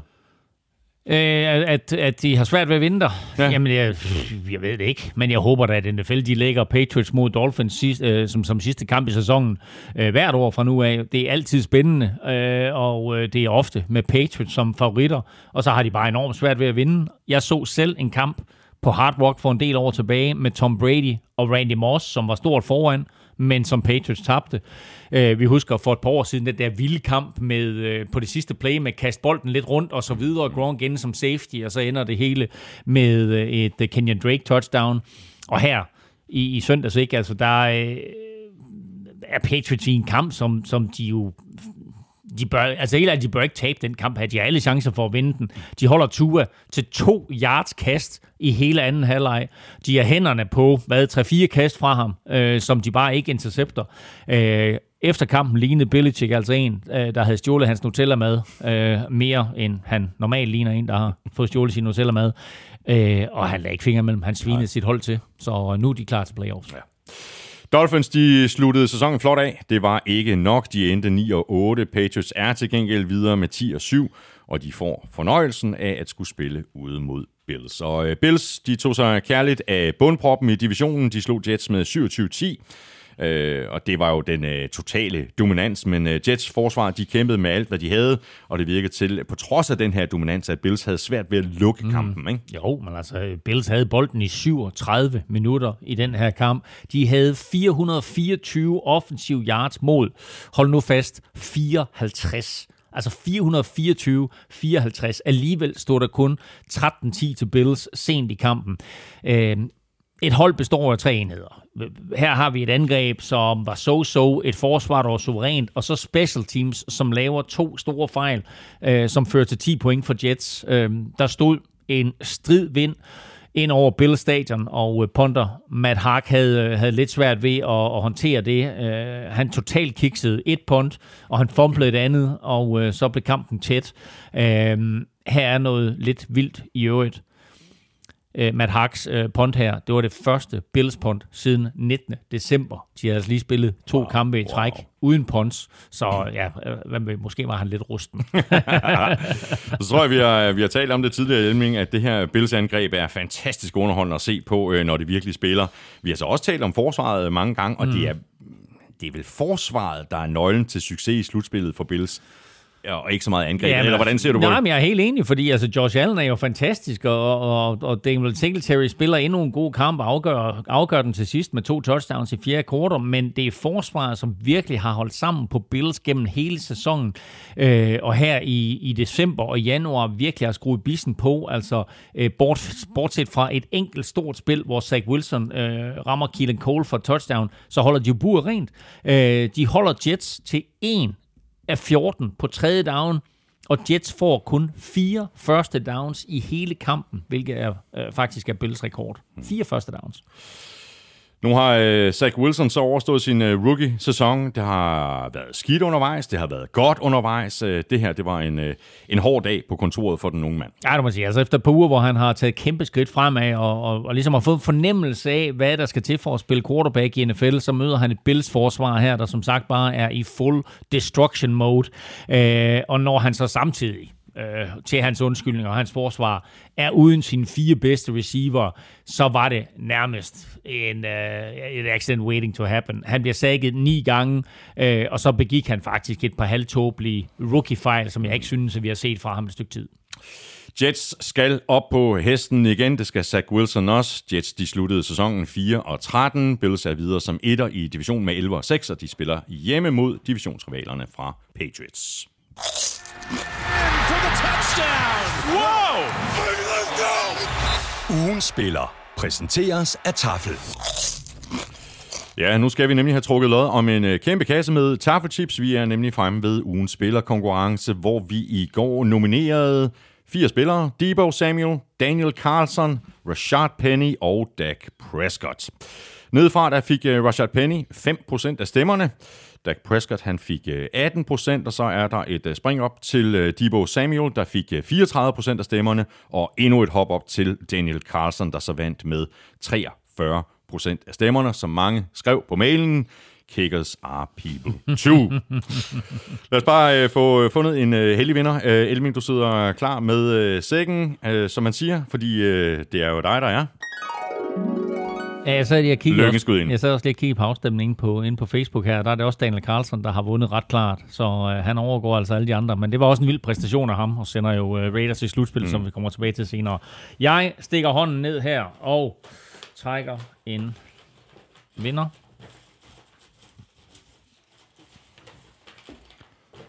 Og op af posen kommer der et navn fra Odense. Det, her, det, det er sgu meget godt, det her. Der står Dak Prescott. Ja tak, ja tak, ja tak, ja tak, og ja tak. Og så står der tafel, ja tak.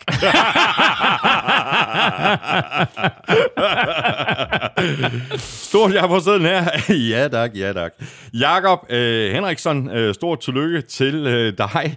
Øh, jeg sender dit øh, navn og adresse videre til øh, Tafel, og så klarer MVP Christina Resten, øh, hvilket betyder, at det kun er et spørgsmål om tid, før at øh, du modtager din øh, gevinst. Vi gør det igen næste uge. Elming og jeg nominerer tre eller måske fire spillere, og det gør vi øh, mandag formiddag på både Facebook, Twitter og Instagram. Du deltager ved at sende dit bud ind på mailsnablag.nfl.dk. så skriver dit bud i emnelinjen, og i selve mailen skriver du dit navn og adresse.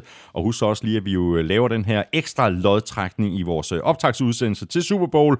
Og det er her, at du kan vinde årets officielle Super Bowl kasket, og det kan du altså, hvis du støtter os på tier.dk.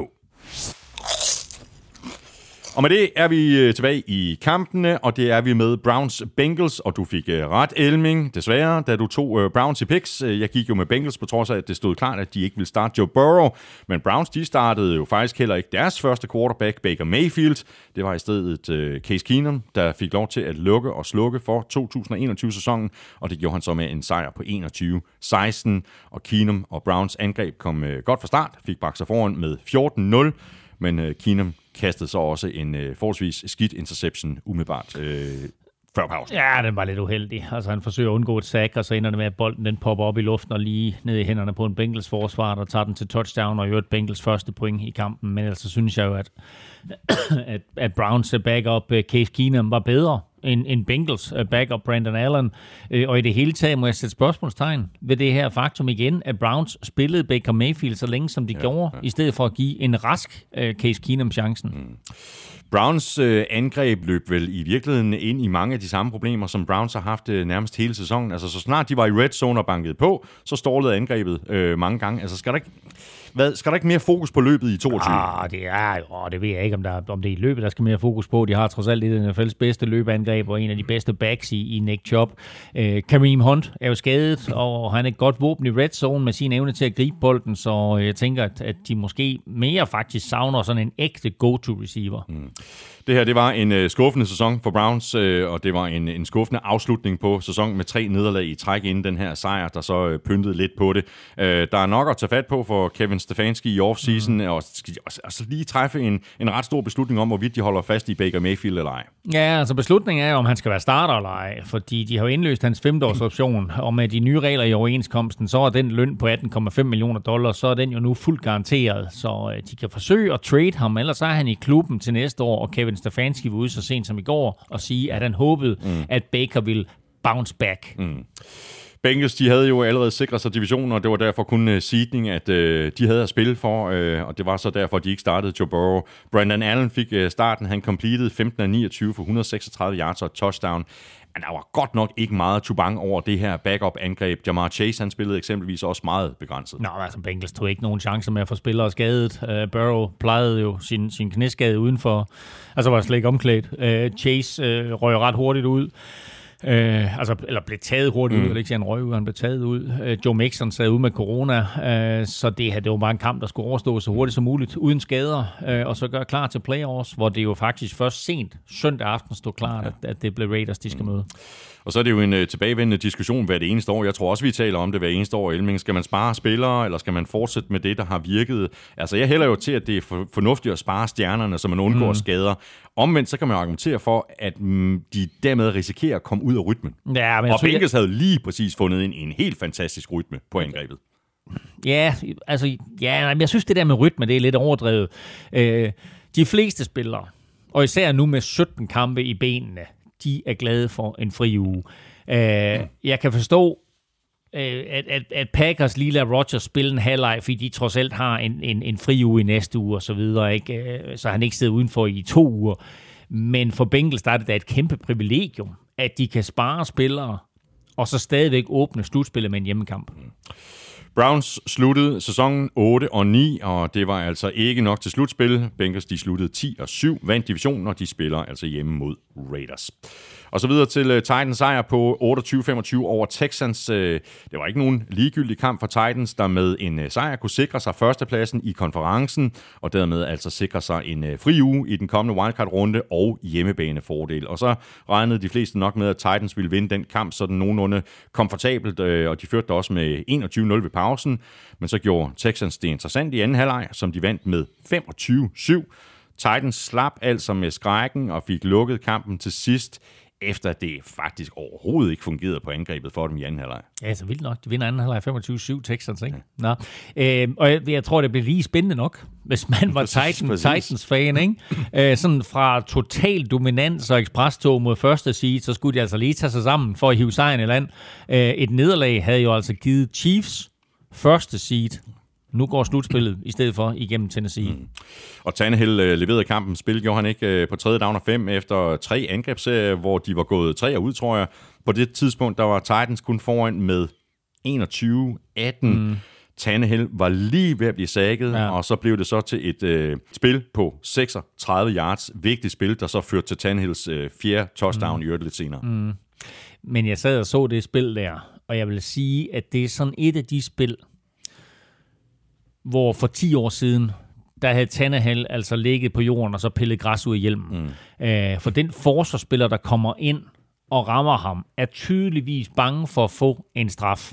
Og så slipper Tannehill ud af presset, øh, og i stedet for et sack, så løber han ud til sin højre side og får leveret et kast og et kæmpe spil til øh, Nick Westbrook Akina, som faktisk altså sådan et navn, som vi aldrig nogensinde har nævnt øh, før for måske en 3-4 uger siden, og nu igen øh, leverer et par store spil her, og det play der er jo med til at afgøre kampen ja, til Titans ja, fordel. i den grad. Tror du, uh, Titans undervurderede Texans, ikke mindst i anden halvleg? Altså, det må man da næsten håbe, at det var grunden, fordi uanset hvem Titans kommer til at møde i divisional-runden om to uger, så bliver modstanden nok noget skarpere. Ja, måske gjorde de. Altså, det er jo NFL, og tager man let på tingene, så taber man. Øh, nu vinder de. Øh, har en fri uge, får Derrick Henry tilbage. Julio Jones var tilbage mm. i kampen her, og ikke at han var nogen force, men han griber trods alt sit første touchdown i en Titans-uniform, som med to ugers pause mere til ham og en A.J. Brown tilbage. Det er ikke et hold, jeg har lyst til at møde. Nej. Så øh, så vi endnu en øh, god kamp, synes jeg. Davis Mills, øh, 23 af 33 for 301 yards, tre touchdowns, ingen interceptions, øh, god mm. præcision. Jeg synes, han udstråler ro og overblik. Øh, han er et meget godt bud på deres øh, starter næste år. Altså, de har i hvert fald en kapabel backup. Det har han bevist nu, ikke? Jo, jo. Jamen, jamen, altså, jeg synes, det ene, han har, han har gjort sig til mere end backup. Jeg synes, han er et rigtig godt bud på en starter. Altså, de fleste peger, peger jo på Mac Jones som årets bedste rookie quarterback, men spørgsmålet er jo, ja om det ikke er Davis Mills. Altså, han har en raketarm. Hans comeback her er meget, meget tæt på at lykkes. Øh, en lille sjov betragtning er, Pep Hamilton er Texans quarterbacks coach og har haft ansvaret for Davis Mills øh, udvikling. Hamilton var quarterbacks coach for Justin Herbert sidste år. Og han havde også fingrene i Andrew Luck i både college og i hans første år i Colts.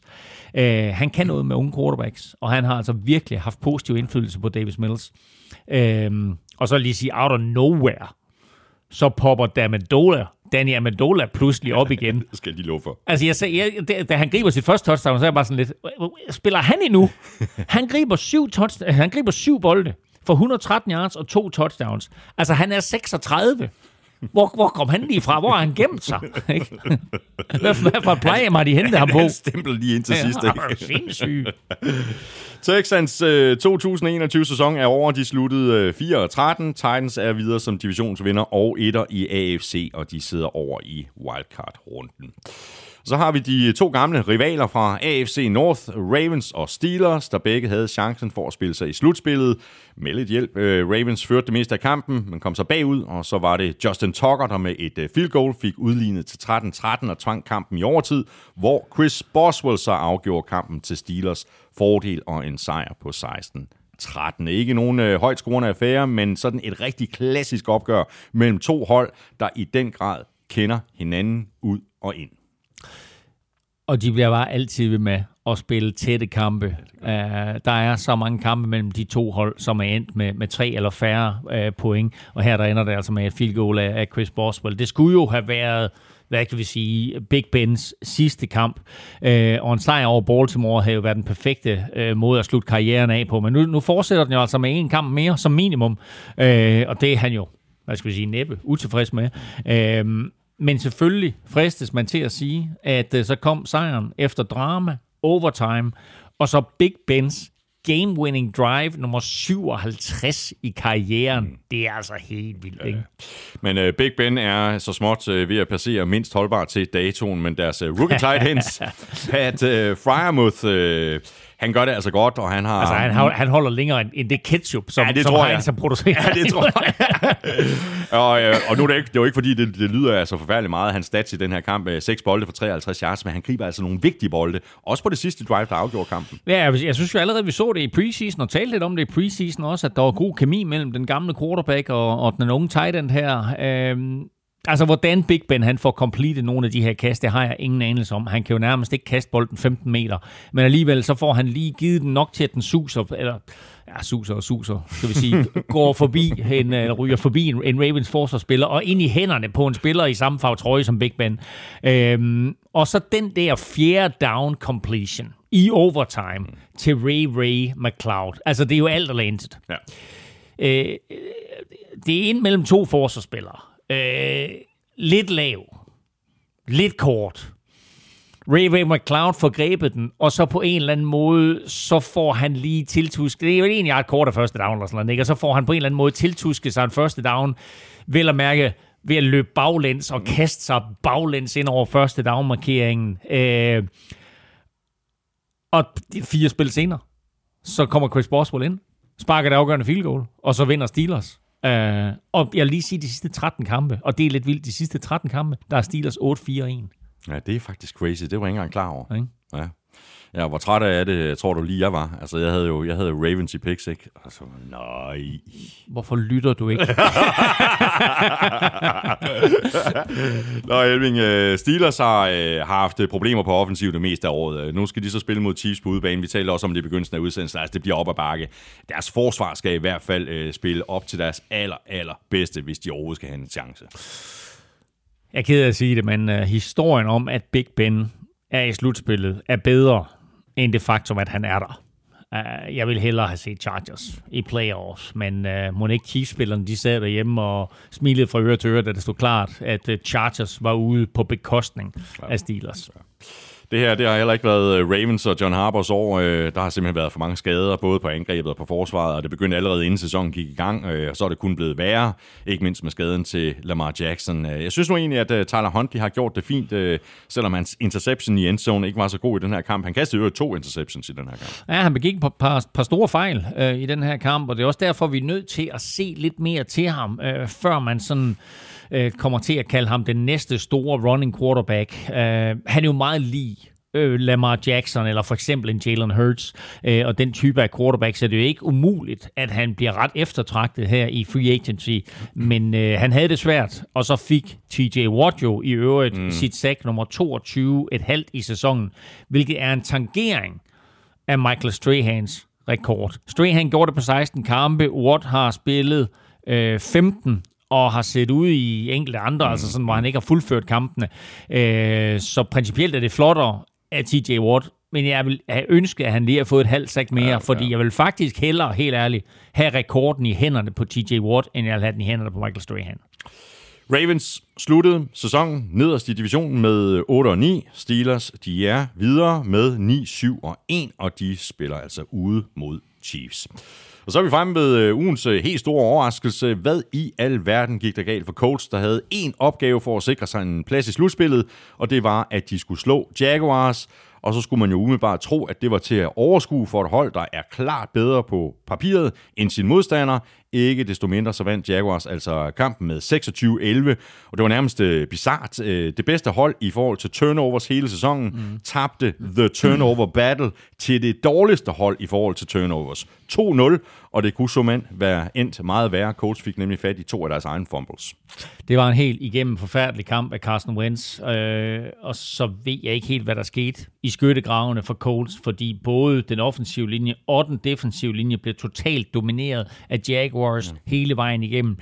Jaguars vinder kampen. De slår Colts, og da det er sket, så bryder all hell you lose, ikke? Fordi så er Steelers og Ravens pludselig interessant, og så bliver Raiders og Chargers senere på aftenen utrolig interessant ja, ja. for alle parter. Ja.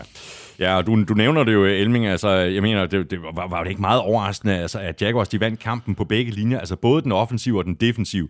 Defensiven fik jo lagt rigtig godt pres på Wentz, øh, så havde øh, Josh Allen i øvrigt en, en okay kamp med 24 pass rushes, 5 quarterback pressures og 2 sacks. Vi har ikke talt ret meget om Josh Allen, altså den anden øh, Josh Allen, siden han havde den der vanvidskamp mod den første.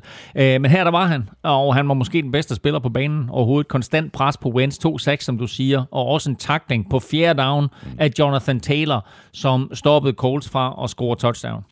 Og hvis vi skal binde en sløjfe om Colts sæson, øh, så er det vel nærmest en underdrivelse at sige, at det er dybt skuffende, at de ikke kommer med i slutspillet. Det er enormt skuffende. Altså, de havde jo en uh, win and you're in kamp på hjemmebane mod Raiders i sidste uge. Den tabte de. Så har de en win eller forsvind her imod Jaguars. Uh, og ikke bare taber de den, de bliver knust. Mm. Uh, altså, hvad er der sket på 14 dage? De er gået fra at være holdet, som ingen vil møde i playoffs, til at være holdet, som ingen kommer til at møde i playoffs, ikke? Hvilket er helt crazy. Det er en katastrofe. Og endnu værre, altså Carson Wentz, synes jeg, og jeg har været på hans side, jeg har været stor fortaler for ham, jeg har sagt, at det er en god trade og så videre. Jeg synes næsten, han er blevet dårligere og dårligere, som sæsonen er skrevet frem. Spørgsmål her fra ja. en af vores øh, lyttere, Hamza Bave. Øh, det handler lige præcis om, om Wentz. Øh, han skriver sådan her. Jeg var lidt 50-50, da Colts hentede Wentz, men nu må det stå klart, at Wentz ikke er løsningen på quarterback. Synes I ikke, at Colts skal af med ham? Og kan de ikke gøre det relativt billigt nu? Er det bare mig, der er fyldt med frustration, eller er I enige? Jeg tror, det, jeg har ikke styr på hans kontraktsituation, men jeg tror, det kan gøre det forholdsvis billigt. Det, der er udfordringen, det er jo, at i og med, at han har spillet hele sæsonen for dem, så den trade, de lavede med Eagles, det koster dem jo deres første runde pick. Så derfor så øh, har de jo investeret, kan man sige, første runde pick nu her i 2022 i Carson Wentz, som de måske kunne have brugt på en quarterback. Jeg forestiller mig, at Carson Wentz og Frank Reich stadigvæk er en duo i den kommende sæson. Men jeg er skuffet over den måde, som sæsonen har udviklet sig på for Colts, og især for Carson Wentz, fordi det her, det var ikke meningen, det skulle ske. De får en dårlig start på sæsonen, hvor de taber de tre første kampe, og så kommer de jo forrygende tilbage, finder nøglen til succes med Jonathan, uh, Jonathan Taylor, og så har de to chancer for at spille sig i slutspillet. Raiders-kampen kan man tilgive svær. Raiders har gået godt momentum. Raiders spiller sig jo selv i slutspillet. Mm. Jaguars-kampen her kan man ikke tilgive, på trods af det faktum, at Colts ikke har vundet i Jacksonville siden 2014. Hvilket også er fuldstændig crazy. Men det var altså en uh, god afslutning uh, for Jaguars på sæsonen at få den her sejr, så en dag over en, en stærk modstander. I forrige uge, der kastede Trevor Lawrence tre interceptions. Ingen interceptions i den her kamp, så også fremgang for ham personligt.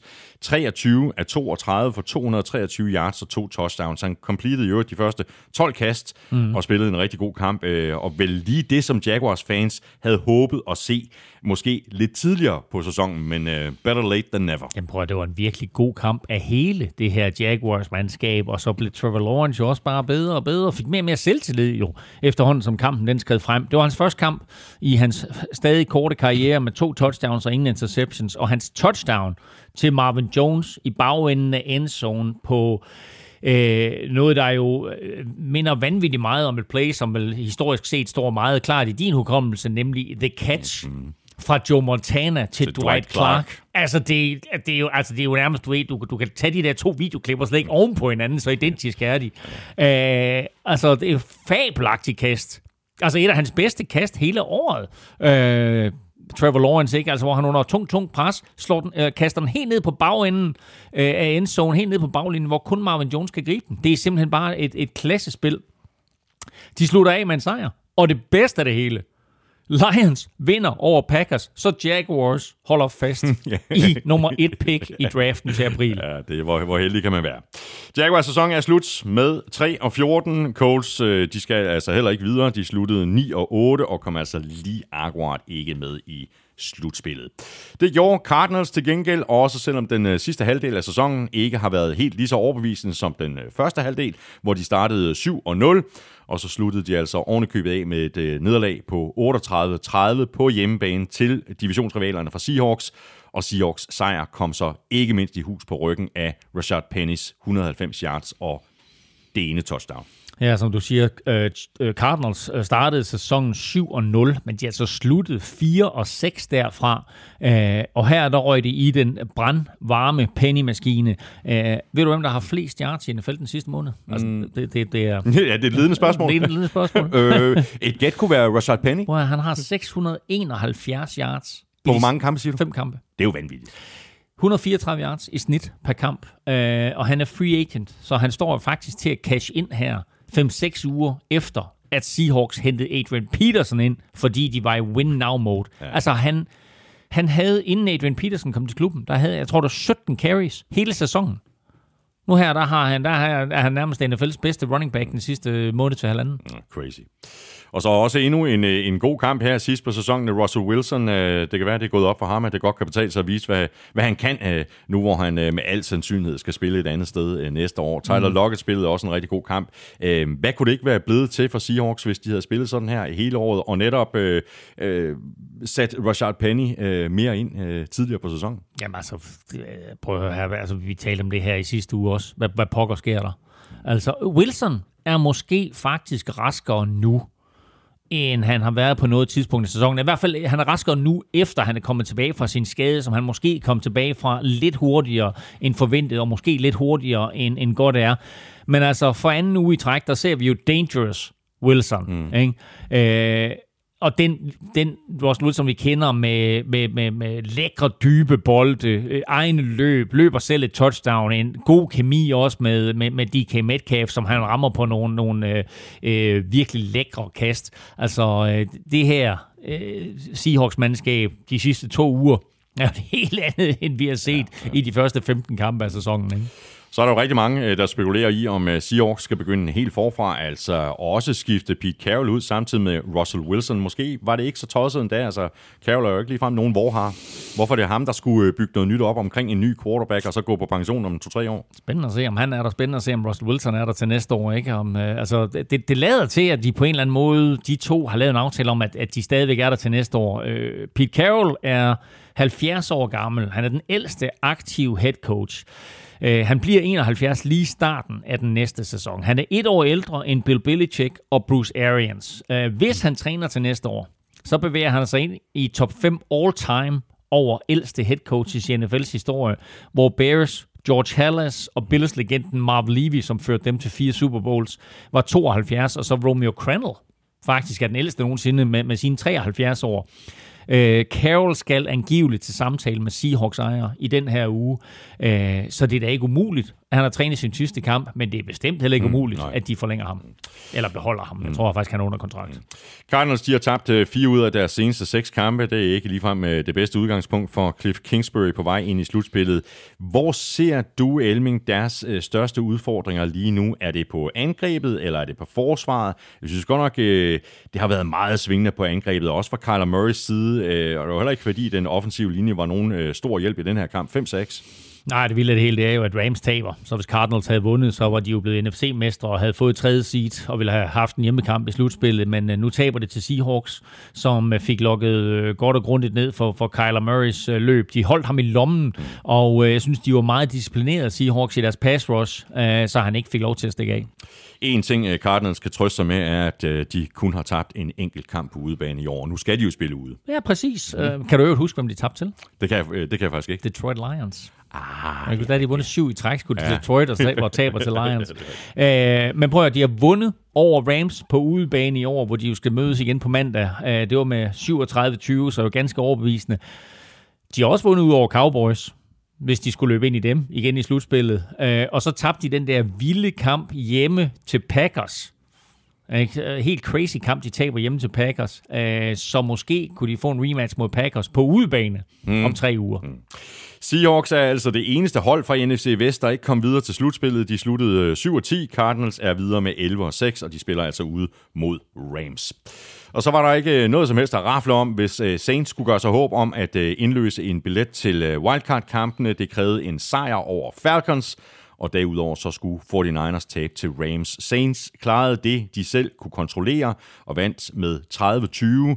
Og så så vi endelig Alvin Kamara, som vi kender ham, dominerende på jorden med 36 løb for 146 yards. Bedre sent end aldrig, men omvendt også too little, too late. Han har faktisk haft et par gode kampe i år, når han får lov til det her. Der får han 30 carries og viser god tålmodighed på flere løb. Øh, det hjælper selvfølgelig også, at Falcons D-line stinker, øh, og med de skader, som, som Saints har og har haft på, på den offensive linje, der har det bare været svært for dem øh, at, at dominere på jorden i år. Men hvor må det gøre ondt på Saints og Saints fans? Altså, de var jo nærmest i slutspillet, lige ind til Rams kollapser, og 49ers vinder i overtime. Og de må på en eller anden måde, det her, det var, de spillede jo i Atlanta, så de må have stået og, og set det på storskærm, eller været gået i omklædningsrummet og har fulgt med der. Øh, deres kamp var jo færdig et kvarter før 49ers kamp, så det er jo først der, de finder ud af, at sæsonen den er slut. De står der, kom nu, kom, nå, Ej, ja, ja, så pakker vi og tager hjem. Ja, det må have været en svær uh, pille at sluge, Præcis. Ikke? Ja. Det her, det var uh, år et efter Drew Brees for Saints uh, for første gang siden 2016, så er de altså ikke med i slutspillet. Og det viser vel bare, altså nu var det meget, meget tæt på, men, men, men under alle omstændigheder, så viser det vel bare, hvor vigtigt det er at få fundet den rigtige afløser til Drew Brees. Mm. Forsvaret er der styr på. Øh, så hvem går de med? Taysom Hill, der gik ud med en fodskade i den her kamp. Går de med Trevor Simeon, øh, der afløste ham? Mm. Går de med Ian Book, øh, James Winston, eller en helt femte? Jeg tror helt sikkert, at James Winston er starter til næste år. Jeg var jo overrasket over, at Taysom Hill, øh, eller at da Taysom Hill gik ud, så var det Trevor Simeon, der kom ind. Jeg troede faktisk, Simeon han var skadet, øh, og havde egentlig regnet med, at han ville starte, hvis, hvis han var frisk. Øh, men han var bestemt ikke imponerende. Øh, Simeon, han kaster godt nok øh, to touchdowns, og så vinder Saints, men altså, det var ikke, øh, det var ikke prangende spil, det vi så fra ham. Nej. Og så har der også været langt mellem øh, snapsene på øh, Falcons angreb i år. Man må jo bare krydse fingre for, at Calvin Ridley øh, kommer på ret køl og vender tilbage til fodbold. Ikke mindst må vi håbe det for ham personligt, og han får styr på de ting, han nu skal have styr på. Mm. Falcons som hold kunne også godt bruge en playmaker på banen som ham, sammen med Kyle Pitts, som så ikke fik så meget ud af det i den her kamp. Men Russell Gage kan måske løfte en del af opgaven næste år. Han spillede under alle omstændigheder en rigtig flot kamp, hvor han stod for næsten halvdelen af Falcons offensiv produktion. Mm. Ni grebne bolde for 126 yards og touchdown. Jamen, Russell Gates har været god for dem. Uh, Cordell Patterson har været en god opfindelse, uh, men de har brug for hjælp på den offensive linje. De har brug for hjælp på den defensive linje, især på, på pass rush. Uh, så det må være de to store fokuspunkter for dem i draften, og så skal vi også lige tænke på, at Matt Ryan han jo heller ikke bliver yngre. Nej, det gør han ikke. Falcons de øh, sluttede øh, sæsonen 7 og 10, Saints de endte øh, 9 og 8, og det var altså lige akkurat ikke nok til en slutspilsplads. Og det var det altså ikke, fordi 49ers de endte med at vinde over Rams i en fuldstændig vanvittig kamp, en af de mest underholdende kampe i hele sæsonen. Kampen endte i overtime, hvor 49ers afgjorde tingene med et field goal med 2 minutter og 45 sekunder tilbage, og det var første gang 49ers var foran i kampen, og det endte så med at blive slutresultatet 27-24. Rams, de sad fuldstændig på kampen i første halvleg, hvor de kom foran med 17-0, men det lykkedes så for 49ers at få reduceret til 17-3 lige inden pausen, mm. og det var faktisk med til at give 49ers øh, lidt momentum og tro på tingene i tredje kvartal, hvor de så dominerede og sad på det hele. Og så skal jeg lige nævne, at øh, det så var på trods af, at Trent Williams, left tackle, øh, sad ude med en skade. Uh, og han er selvfølgelig på han, han er selvfølgelig offensive lineman, men jeg synes jo, det var forsvaret, som virkelig spillede sig op i anden halvleg. Den defensive linje for 49ers overtog fuldstændig kampen.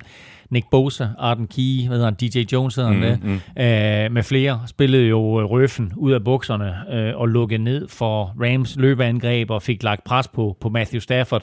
Øh, sådan så han jo faktisk til tider virkede sådan helt sporadisk. Mm. Der er lige en uh, lille stat her fra, fra, fra Next Gen, uh, Elming. Uh, for Niners, de havde 0,4% chance for at vinde kampen, da de pondede til Rams bagud med 24-17 med 1 minut og 50 sekunder tilbage. Og det var så også på det tidspunkt, at man kunne se uh, Rams-spillerne stå og ønske hinanden tillykke ude på sidelinjen. Altså så lidt sandsynligt var det for det her comeback. Men det viser sig måske også meget godt, at nogle af de her stats, uh, ja, som det flyver rundt uh, med, hvor, hvor, hvor, hvor lidt man kan bruge det Jamen, til. Det var også Next Gen, der sagde, at 49ers havde 88% chance for at komme i slutspillet for et par uger siden. Jeg synes, den hang i en ret tynd tråd, men nu altså, det gik trods alt ret. Men altså, jeg giver ikke ret meget for de der next gen stats. Um, så øh, jeg, jeg, jeg så faktisk ikke det der med at Rams-spillerne øh, de stod og lykønskede hinanden, men øh, man må bare tage hatten af for Fort Niners og sige, at det var et fuldstændig forrygende comeback. Ja. Og hvis vi skal koge det her comeback ned til en øh, bouillon-terning, så består den vel af lige dele Debo Samuel, øh, på angrebet, en øh, Jimmy Garoppolo, der spillede sig alvorligt op, mm. og så det pass rush, som du også lige nævnte lige før, der fik sat en prop i Matthew Stafford. Ja, altså som sagt, den defensive linje var forrygende og spiller vel på det højeste niveau, vi har set dem, siden de sagde farvel til uh, DeForest Buckner.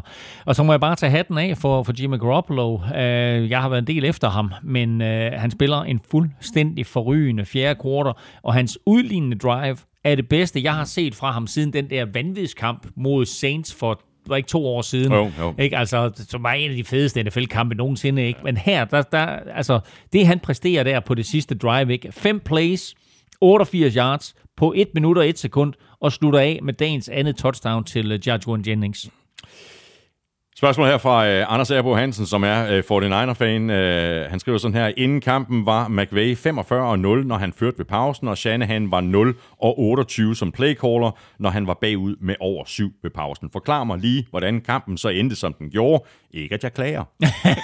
Jamen, jeg har ingen anelse om, jo, altså det ting, vi har talt om her. Uh, altså, uh, jeg tror, de fik en helt del momentum for det Niners af det field goal, de får lige kort inden pausen. Mm. Og så kommer der et tidspunkt i anden halvleg, hvor... Hvor de i øvrigt heller ikke havde ret meget tid at operere med. Altså, det var... Ja, nej, det var også det var altså lynhurtigt drive, det er rigtigt. Øh, men så kommer der et tidspunkt i anden halvleg, hvor de løber bolden 10 gange i træk, og Rams ikke kan stoppe dem. Og på det 11. løb, der kaster Debo Samuel så lige sådan en halfback option pass til touchdown. Altså, det var genialt. Og alt det der er bare med til stille og roligt at vende kampen på hovedet og så får de udlignet til 17-17, kommer bagud 24-17, får udlignet på det der vanvittige drive til sidste 24-24, kampen går i overtime, får Niners sparker et field goal, og så kaster Matthew Stafford ja. sin sidste interception, og så vinder Fort Niners kampen. Til en rookie cornerback. Og så, og så ændrer de to statistikker sig jo fuldstændig. Det første ja. nederlag til ja. McVay, ever, ever, hvor han har været foran ved pausen. Og så nævnte jeg det jo i sidste uge, da vi valgte kampe, at uh, Carl Shanahan uh, ser ud til at have styr på uh, McVay, og man kan jo heller ikke helt udelukke det her sådan et mentalt spil mellem de to. Altså McVay har jo arbejdet under Shanahan uh, i Washington, de kender hinanden rigtig godt, og nu har uh, Shanahan altså vundet de seneste seks indbyrdes opgør. Virker måske lidt til, at uh, McVay får gummiben. Ja, måske. Jeg ved ikke, om der er noget mentalt i det, men altså, øh, jo, måske så har Kyle Shanahan fordi de kender hinanden så godt, så har han måske en fornemmelse af, hvad McVay kommer med. Men ellers så synes jeg mere, at det var spillerne på banen, der afgjorde det. Øh, simpelthen fordi Fort Niners spillere på dagen ville det mere og, og bare var bedre end Rams-spillerne. Garoppolo kastede også et par øh, skidte interceptions. Det gjorde Stafford jo så øh, også. Han kaster så smuk en bold, når det kører for mm. ham. Han har så kastet alt for mange interceptions i år, alt for mange pick sixes. Øhm, er det simpelthen fordi, Elming, at han er en øh, gunslinger, at det ligger i hans øh, natur? Mm. Eller tror Stafford bare, at han stadig kan lave de samme kast, som han kunne, da han var øh, for eksempel 25? Det tror han helt sikkert. Jamen altså, øh, og, det, og det kan han også til tider, men begge hans interceptions er dybe skud, hvor han simpelthen ikke får nok kraft på den. Ja. Øh, det har aldrig været hans problem før med, med, med, med råstyrke i armen, Præcis. men øh, det er måske hans øh, CPR-nummer, der spiller lidt ja, ind her. Ja. Øh, Garoppolo kaster også to interceptions, men dem lægger han bag sig øh, og laver det der vilde drive til sidst, og det er jo en super vigtig kvalitet for en quarterback. Det er, at alt, hvad der er sket før, hvad enten det er godt ja, eller skidt, ja. Det lægger man bag sig. Ikke? Næste play, mm. næste drive. Mm. Øhm, den der interception, som Jalen Ramsey laver i øvrigt, i egen endzone, det men, er jo men, et af de men, mest atletiske spil hele sæsonen. Hold nu kæft, hvor er det vildt lavet. Og så er han jo en skovl og løber ud mm. af egen endzone, i stedet for bare at blive liggende i endzonen. Så bliver han taklet på tierlinjen, i stedet for, hvis han var blevet ligget, så, så havde han, øh, så havde han fået bolden ud på 20'eren. Altså, der er kun et ord for det, og det er fjols. Mm. Men øh, god interception. Flot. Øh, vanvittigt flot. Ja, vanvittigt flot. Øh, nu har du stillet mig et øh, quizspørgsmål, der relaterer til øh, Cooper Cup, og ja. hvor er han dog en, en fantastisk receiver. Øh, kunne være et, et frisk bud på, et, et alternativ bud på en, en MVP. Jeg synes i hvert fald, han er en af de receiver, der har øh, øh, gjort mest væsen ud af sig i, øh, i den her sæson på så ufattelig mange måder. Ikke? Jeg tror ikke, han bliver MVP. Men jeg tror, MVP-titlen bliver enten Brady eller Rodgers. Men så tror jeg, at Offensive Player of the Year mm. går enten til Cooper Cup eller Jonathan Taylor. Ja. må vi se. Ja.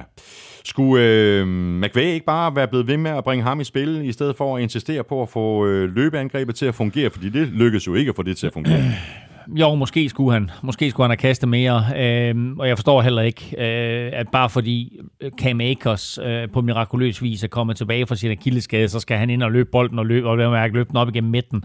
Øh, Sony Michel har været arbejdshest for Rams den sidste måned til halvanden, og det har givet Rams faktisk, synes jeg, et helt andet udtryk. Øh, det går de væk fra her, og øh, det synes jeg, de bør finde tilbage til, øh, fordi Rams har en, en lækker kombination af, at de er et finessehold i kastespillet, og så sådan lidt et øh, hard-nosed, øh, brutalt hold i løbespillet. Det er de blevet med Sony Michel. Øh, og den kombination føler jeg er nøglen til deres offensive succes. Rams er videre med 12 og 5. De spiller hjemme mod Cardinals. For Niners er også videre, og det er de med 10 og 7, og de spiller ude mod Cowboys, og der har begge mandskaber en del ting helt tilbage fra 90'erne, der skal, der skal gøres op med. Det er jo en klassiker. Det er en klassiker. Og hvis uh, Rams for Niners var en uh, vanvittig overtime-kamp, en instant classic, så kommer der lige en mere af slagsen her. Sidste kamp i spillerunden. Sikke en måde at slutte 2021-sæsonen af på. Kampen mellem Raiders og Chargers. Win and you're in. Og det var så Raiders, der uh, var foran med hele 29-14 i fjerde kvartal, der endte med en uh, plads i slutspillet med en sejr på 35 32, og det var jo et rigtig godt øh, resultat for Steelers også. Og kampen blev selvfølgelig, fristes man næsten til at sige, afgjort af Daniel Carlson, der ramte på alle sine syv spark. Iskold. Fem field goals, to ekstra point. Han er iskold, men det var jeg ikke, da jeg sad og så kampen. Altså, mit hjerte, det hamrede, som om jeg selv løb rundt ind på banen. Jeg havde svedtur, jeg råbte med tv, så stod jeg op, så sad jeg ned. Hold nu kæft, en vild kamp. Altså, seriøst, jeg har set NFL i hvad, 35 år. 37 år. Det er en af de bedste kampe, jeg nogensinde har set. Fuld vanvittig, god kamp. fabelagtig kamp, og så en helt igennem forrygende afslutning på den første sæson med 18 spillerunder og 272 kampe i grundspillet, som vi sagde i, i, i starten af udsendelsen. Ikke? Altså tænk sig at slutte af med, at det sidste play bliver afgørende for to playoff-pladser. Og så var det faktisk ikke kun en win and you're in, for vi fik jo den her bizarre situation, at med Coles' nederlag, så kunne begge mandskaber gå videre ja. med uafgjort. Mm. Og på den måde så snydes Steelers for en slutspilsplads. Og det kunne sagtens være endt uafgjort, og burde måske også være endt uafgjort. Men hatten af for, at der ikke var nogen af de to trænere, mm. der spillede på uafgjort. Og så fik vi den her sindssyge afgørelse med Daniel Carlson. Ja. Raiders jubel, Chargers skuffelse. Ja. Og øh, ja, en af de bedste fodboldkampe nogensinde, fyldt med masser af vilde enkeltmandspræstationer. Øh, og så var der så også, altså, nu, nu du er lidt inde på den nu her, Elming, altså, fordi der var også nogle situationer, hvor man sad og undrede sig lidt. Spørgsmålet er, om, om Raiders spillede på uafgjort til sidst i overtime, altså, da mm. tiden blev ved med at løbe, og hvor Chargers så kaldte en timeout. Spørgsmål her fra øh, Mikkel øh, Vitrup. Hvad synes I om Staley's timeout med 36 sekunder tilbage af overtime? Jeg forstår kaldet, hvis man håber på at få bolden tilbage, men med tanke på, at uafgjort var nok, var det så ikke bedre at lade Raiders køre deres no-huddle, så det hele blev sådan lidt mere stresset? Jo, og det er jo i mange henseender en, en lidt uforståelig timeout. Men Raiders var altså klar til at snappe bolden. De havde endda sendt en mand i motion, så det er måske to eller tre sekunder, det drejer sig om her. Jeg har set sådan flere eksperter udtale sig om, at det var katastrofalt, og de kunne have kørt tiden ned på 20 sekunder. Det kunne de ikke der var også nogen, der har sagt, at de var, uh, Raiders ville med stor sandsynlighed have, have taget knæ. Nej, David, uh, Derek, uh, hedder han, det, det er Davids bror. Uh, Derek Carr stod i shotgun. De var klar til at køre et spil, men det var helt tydeligt også et kastespil. Øhm, men det er ikke mere end 2-3 sekunder, det drejer sig om max øh, i forhold til, hvis de ikke har kaldt den timeout. Brandon Staley forklarede bagefter, altså Chargers head coach, at han kaldte timeouten for at få det rigtige forsvar ind. Men Raiders sagde bagefter, at det gav den her timeout, gav dem mulighed for lige at revurdere, hvad de ville gøre. Og i stedet for, så stiller de op i en løbeformation. Josh Jacobs løber bolden ud til venstre side, smutter lige ud af hænderne på Joey Bosa, og så får han 10 yards og kommer inden for Daniel Carlson field goal afstand. Så, kommer, så kalder de timeout, Raiders, med 5 sekunder igen, aktie et eller andet, ikke? Øh, bum, ind med Daniel Carlson. Han er som sagt stensikker, har ikke brændt i sin karriere på hjemmebane for Raiders, hvilket er vanvittigt. Øh, Raiders vinder, Chargers ude, og jubel i Pittsburgh. ja, præcis. Men sikke en sæson for Raiders, øh, også med tanke på, på al balladen, der var med John Gruden, og nu er de altså i, i playoffs. Øh, Besakja, øh, jeg tror også, du nævnte det tidligere udsendelse, jeg, jeg er ikke helt sikker, men han er jo den første midlertidige head coach til at lede et øh, hold i slutspillet i Super Bowl-æren. Derek Carr har øh, jo aldrig spillet en slutspilskamp. Øh, han blev jo skadet øh, sidst på sæsonen i 2016, men det er vel først og fremmest ham, altså Derek Carr, der skal have æren for, at Raiders er i slutspillet. 186 yards, to touchdowns i den her kamp, og så kom han tæt på 5.000 yards for sæsonen, 4.804. Wow, det har jeg slet ikke tænkt på, at Derek Carr ikke har spillet i playoffs, og det her det bliver hans første Kan du huske, hvor ærgerlige vi var jo, tilbage jo, i 2016? Jo. Hvor Nå, han, han var MVP-kandidat og så videre, og så bliver han skadet i den ja. sidste. Men, øh, men det, altså, på en eller anden måde, så overrasker mig. Jeg slet ikke tænkt over det der med, at han var øh, at det er hans første playoff-kamp. Men han har været virkelig god for dem i år.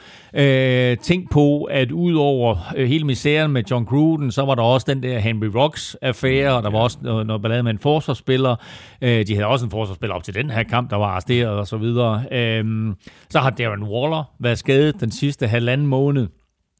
Men det har måske netop givet Carr mulighed for at udvikle samarbejde med Hunter Renfro mm, mm. og Brian Edwards. Og så skal man jo heller ikke kimse af, at Josh Jacobs er raskere, end vi har set ham meget længe. Mm skal vi også lige runde Raiders forsvar, og måske især Max Crosby, fordi det kan godt være, at John Gruden og Mike Mayock har skudt en del forbi i draften. Øh, men øh, Crosby, der blev taget i tredje eller fjerde runde, tror jeg faktisk, det var i to, runde, ja. Ja, 2019. Han har altså ikke ligefrem øh, været nogen misser. Prøv lige at høre hans tal her. Seks takninger, tre takninger for tab, to sacks, fire quarterback hits, 11 quarterback pressures, og så lige tre kast forsvaret. Det er jo vanvittigt tal. Det er imponerende. Vi det, er talt, vanvittigt tal. det er vanvittigt tal, og han, han er en af de absolut bedste forsvarsspillere i NFL. Vi har talt om ham flere gange i sæsonen. Og det er faktisk først, når man ser sådan en hel kamp med ham her, man virkelig finder ud af, hvor god han er. Øhm, de draftede jo Cleveland Farrell med pick 3 eller 4 øh, for et par år siden. Kæmpe boss. Han er ikke engang omklædt til den her kamp. Øh, Max Crosby til gengæld, vild type. Øh, i øvrigt var det meget symbolsk for den her kamp, øh, at faklen på Raiders stadion blev tændt af John Maddens familie, og så endda på årsdagen, 9. januar, for sejren i Super Bowl 11 over Minnesota Vikings. Øhm, Maddens eneste Super Bowl sejr, og her der går de så videre til, til playoffs på, på magisk vis nærmest. Ja. Ikke? Chargers kommer så øh, til gengæld ikke med i slutspillet. Det er så ikke Justin Herberts øh, skyld, at de ikke gør det. Ja, ja, han begår øh, fejl, men han er så også rigtig god til at komme tilbage fra de fejl. Og jeg synes, han, han leverer bare varen igen og igen, og det gjorde han også i den her kamp. Altså, de der kast, han kaster til mm. sidst i kampen, altså sikke et 12-yard touchdown-kast til Mike Williams, der jo øh, udlignede og sendte kampen Ind mellem i, to forsvarsspillere. Derfra så var det i overtime, og så i øvrigt øh, var det på drive, hvor, hvor Herbert og Chargers de konverterede, var det to eller tre gange på, på fjerde down og 10. Det er jo fuldstændig crazy i sig selv, ikke? Jeg prøver at høre, hans spil i de sidste 5 minutter af fjerde kvartal er helt latterligt. Chargers er bagud med 15. På sine to sidste serier, der kaster han to touchdowns og en two-pointer. Han konverterer fjerde og 6. Han konverterer fjerde og 10 tre gange og han konverterer en fjerde og 21 for touchdown. Altså, at han og Chargers ikke er i slutspillet, det er lidt en katastrofe. Ja, det er det virkelig. Men Grunden til det er nok, at de lavede lidt for mange fejl tidligt i kampen. De fumbler punt return, de tillader et løb til første down på en 3. og 23. De laver en pass interference sidst i første halvleg, helt ned på egen mållinje, som gav Raiders et touchdown. Øh, de har en illegal man downfield i sent i fjerde kvartal, og måske er det endda i overtime, øh, på et langt kast til Mike Williams. Og så var jeg bestemt ikke fan af, at Brandon Staley gik efter den på fjerde down, og mere end en, øh, halvanden nærmest, øh, i første halvleg på egen 20 linje som de misser. På trods af alt det her, så er de alligevel ja. så tæt på at vinde Chargers. Eller bare få uafgjort og komme i slutspillet. Og det er, helt ærligt, det er mig lidt en gåde, at de her to coaches ikke bare lige kigge på hinanden på mm. tværs mm. af banen, sagde, og så okay, sagde, okay, ja. fint nok. Altså tænk sig, at Raiders aktivt går efter at sparke det der sidste field goal. Tænk sig, hvis nu det bliver blokeret, og Chargers returnerer den til touchdown i den anden ende. Altså, så står Besatje der og ligner en kæmpe skov. De her træners ansvar, det er ikke at vinde en kamp, det er at få deres hold i slutspillet. De kan gå i slutspillet med en uafgjort, og alligevel så spiller de begge to 100% aktivt for at vinde kampen i overtime. Ja, var det ærgerligt, at Chargers ikke er med. Det er super ærgerligt, at de ikke er med. Ja, er men virkelig. vi kunne ikke have bedt om en vildere Ej. afslutning på det her grundspil, det første med 18 spillerunder. Hold kæft, var det sindssygt. Ja, det var fuldstændig vanvittigt. Og Derek Carr var altså tæt på at ramme de 5.000 yards, 4.800 og noget. Herbert kom over de 5.000 yards for sæsonen. 5.014 og 38 touchdowns. Og han er hvis vi var i tvivl om. Der er mange quarterbacks, der har en god første sæson, og så går de fuldstændig ned i anden sæson. Justin Herbert er en superstjerne, og han kan blive ansigtet for hele NFL, når de der gamle drenge, de er væk. Rodgers, Brady, mm. Big Ben, så kan Rodgers, eller så, kan, så, så snakker vi de nye ansigter. Det er Joe Burrow, det er, det, det er Justin Herbert. Altså, Men det havde du set for længe siden. Jeg så ham i en kamp.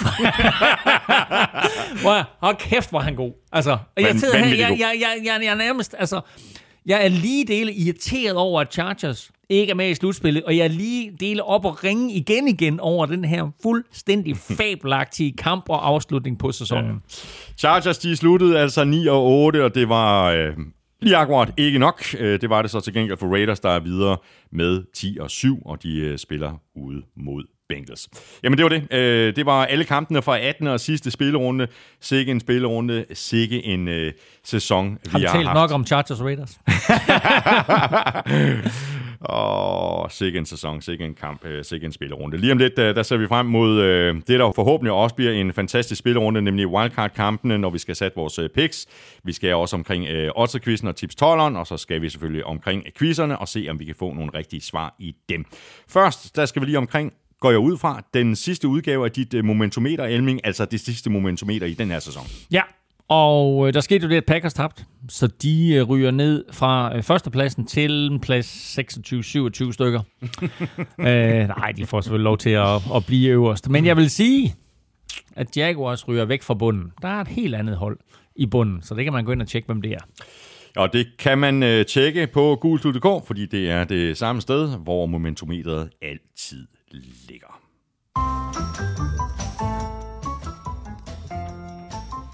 Så er vi ellers hoppet et smut i køkkenet, øh, Elming, eller jeg skal vel retteligt kalde dig for Jan Hurtigkarl, fordi det var mig, der røg. Du røg, du røg i køkkenet. Også det. Sådan.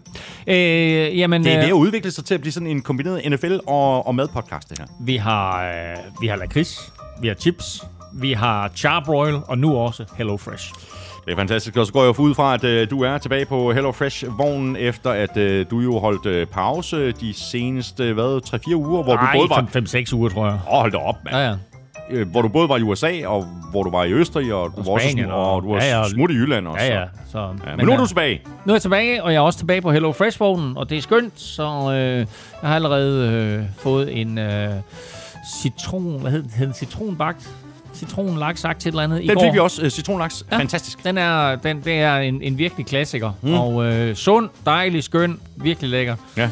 Og vi er også tilbage. Vi holdt også lige øh, en to-tre ugers øh, pause hen over jul og, og nytår. Det er en ren fornøjelse ikke selv at skulle finde på, hvad man skal have at spise, og man slipper også for at skulle ud og hente. Har, har, du, har, du, har du også specielt den der hvidløgsmarinerede svinesnitzel? Nej.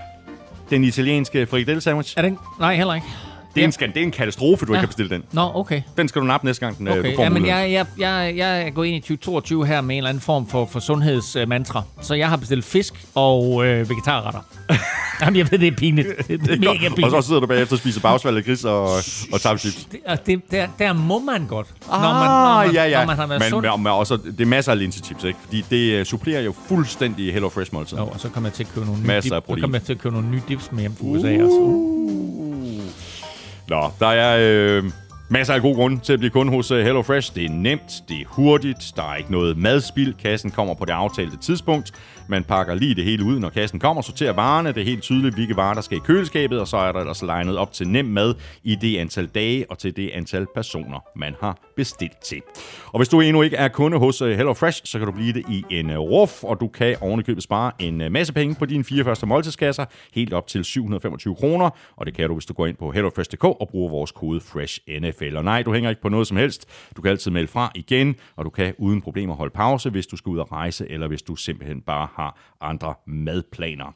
HelloFresh.dk Brug vores kode FRESHNFL og spar helt op til 725 kroner.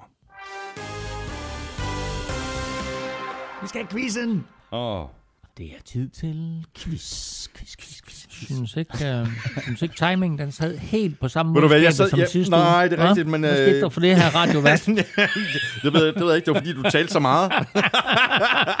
jeg sad også og tænkte på det, og så, det var så irriterende. Nå, nu skal vi have øh, nogle svar i quizzerne her, og quizzerne de præsenteres jo i samarbejde med Bagsvald og Chris. La quiz. La quiz, ulala. Så, jamen, du får den franske quiz. Den franske quiz. Uh, jeg, har fuld, jeg har faktisk fuldstændig glemt, hvad du spurgte mig om. Nå, Jamen er det ikke mig, der svarer først? Jo, du svarer først. Nå, okay. Tre receiver Ja. har før Cooper Cup ført NFL i det, man sådan kan kalde øh, den hellige træenighed, Ja. nemlig flest catches, ja. flest yards og flest touchdowns. Ja. Godt. Så det er jo ikke øh, lige præcis, og det gik op for mig undervejs, at øh, det selvfølgelig ikke var øh, antallet af yards og så videre. Det var simpelthen bare at være ligge først i de her tre kategorier Præcis. på samme tid. Ja. Jamen, ved du hvad? Øh, Altså det, efter, når sæsonen er slut. Ja, det er klart. Ja. Øh, ikke i U1. Nej, Nej. Øh, men det godt. gjorde han det sikkert også. det gjorde han sikkert. En vild sæson af Cooper Cup. Ja. Øh, men ved du hvad? Så har jeg, så har jeg nogle rigtig gode bud, tror jeg. Ja. Øh, fordi jeg var lidt hægtet af, da du stillede spørgsmål. Men Ja. jeg er ret sikker på, at øh, Jerry Rice er en af de her tre. Han gjorde det som den første, og det gjorde han i 1990. Det var godt. Ja. De, to, de to andre er svære. Ja. Er sværere. Ja. Godt. Kom med et bud. Øh. Øh, jamen, øh, hvem skal vi Calvin Johnson. Er godt bud. Han gjorde det aldrig. Så var det jo ikke godt bud. Nej. Øh, Julio Jones. Har heller ikke gjort det. Jeg tror, øh, Julio Jones' problem har faktisk været, at han, han aldrig rigtig har scoret nok touchdowns. Mm, ja, det er rigtigt. Randy Moss. Er vanvittigt godt bud. Men heller ikke rigtigt. Sindssygt godt bud, heller ikke rigtigt. Godt. Jeg hjælper dig her. Andre Johnson. Er også et godt bud. Han har heller ikke gjort det. Uh, jeg tror igen, problemet har været touchdowns for hans vedkommende. Uh, du får lidt hjælp her, fordi de, de, er, de er lidt svære, de to sidste her. Okay. Uh, den sidste, eller nummer to, der gjorde det, var i 1992. Ja. Uh, vanvittigt dygtig receiver, som også havde en bror i ligaen, der var en dygtig tight end. Han spillede for Green Bay Packers. Greb Op, op, op, op, op, op, op, op, op. Han var, han var skarp. Ja. Han var mega skarp. Ja, Sterling Sharp. Nemlig! Ej, hvor er du, hvor er du skarp. Godt. Og så den sidste. Ja. Han var... Han er ikke særlig stor. Han røv hurtigt. Ja, men ved du hvad, det er godt. Så ved jeg godt, hvem det er. Ja. Steve Smith. Det er nemlig rigtigt. Hvor var jeg overrasket over at se, at Steve Smith... Men han havde jo en fantastisk... Var det Ja. 5, 4, 5... Nej. Nej, ja, Nej. det har været lidt... Det var omkring 98. Det var i Super Bowl i 98, ikke? Øh, med, øh, med, med Carolina Panthers præcis. der, ikke? Øh, og der og med, øh, med, hvad hedder det, Jake Delhomme som quarterback. Øh, han gjorde det i 2005. Øhm, og, øh, eller, To- ja, 2005, nej, det er ikke 98, hvad Nej, der nej, snakker om. nej, nej, 2000, 2005. 2005 er det selvfølgelig. Der havde han den der forrygende sæson. Men så var der i uh, Big Ben spørgsmålene fra uh, det quizzen. Big Ben, ja. Mm. Øh, første spørgsmål, det Ja. var, hvilket college gik han på? Det her Ja. svar har du allerede givet. Ja, han gik på University of øh, Miami, Ohio. Er det korrekt? Jo. Okay, Øh, hedder det ikke Miami University? Oxford, Ohio? Nå, det ved jeg ikke. ja, det hedder i hvert fald Miami, Ohio. Ja, okay, ja. godt. Ja, godt så. Ikke, ikke Miami, øh, Florida, men Miami, Ohio. Exactly. Og så var der et andet spørgsmål. Øh, hvor mange gange har Big Ben været NFL's passing yards leader? Ja. Øh, jeg tror, vi snakker... Jeg tror, vi snakker en eller to gange. Mm. Jeg siger en gang. Det var forkert. Og så? Du skulle have sagt to gange. Satans. Vil du have øh, årstallene? Det giver ikke nogen mening at sidde og gætte på det. Øh, nej, jeg vil, jeg, jeg vil gerne komme med den ene. Og den ene, det har været, nu skal jeg lige tænke mig om, det har været det år, de vandt Super Bowl 42, så det har været 2007-sæsonen. det er ikke korrekt. Det er ikke korrekt. Nej. Nå, ærgerligt. 2014 og øh, 2018. Holy crap. Ja, det overrasker også mig. Okay, og det er vildt. Det er sent i, uh, i forløbet. Mm.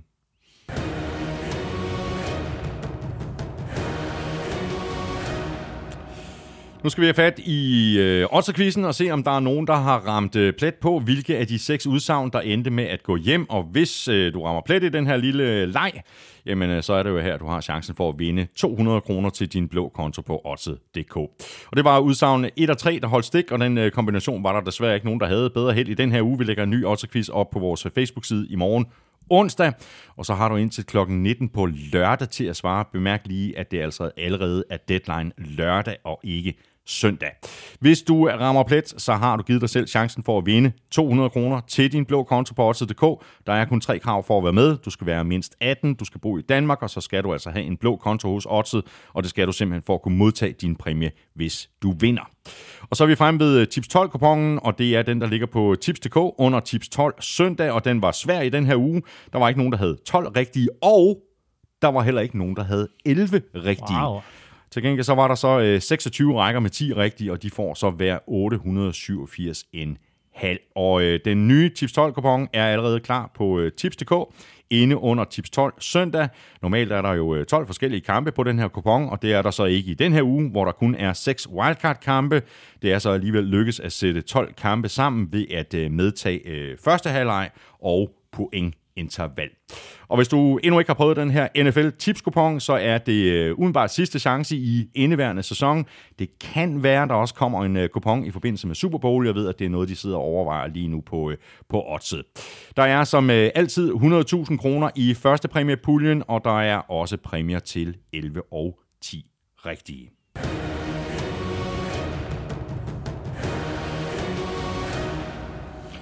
Nu skal vi have valgt øh, kampe og øh, lavet vores øh, picks til wildcard-kampene. Inden da skal vi lige høre fra Lukas Willumsen, der binder en sløjfe om grundspillet.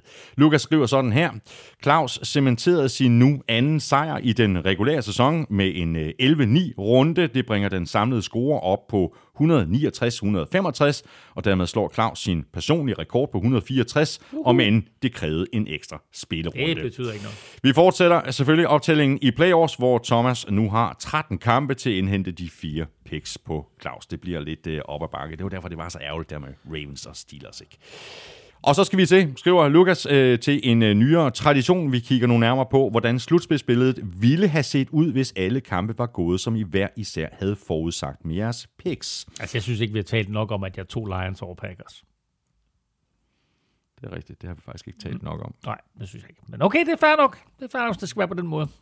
Nu ser du der og brokker over Raiders og, eller hvad var det, Steelers og Ravens, ikke? Jo, men jeg brokker mig ikke over Lions øh, Nej, nej. Det er Packers godt. vel. Nej, nej, nej. Det er godt. Undskyld. Hvad vi videre? Hvad, ja, hvad, hvad har Først vi? en lille quiz til Claus. Nå, en lille quiz, ja tak.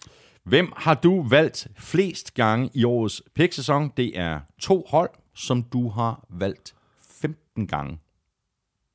Ud af 18. Øh, jeg siger Chiefs. Mm, nej. Okay. Så siger jeg Packers. Øh, nej. Nej. Så jeg det ikke.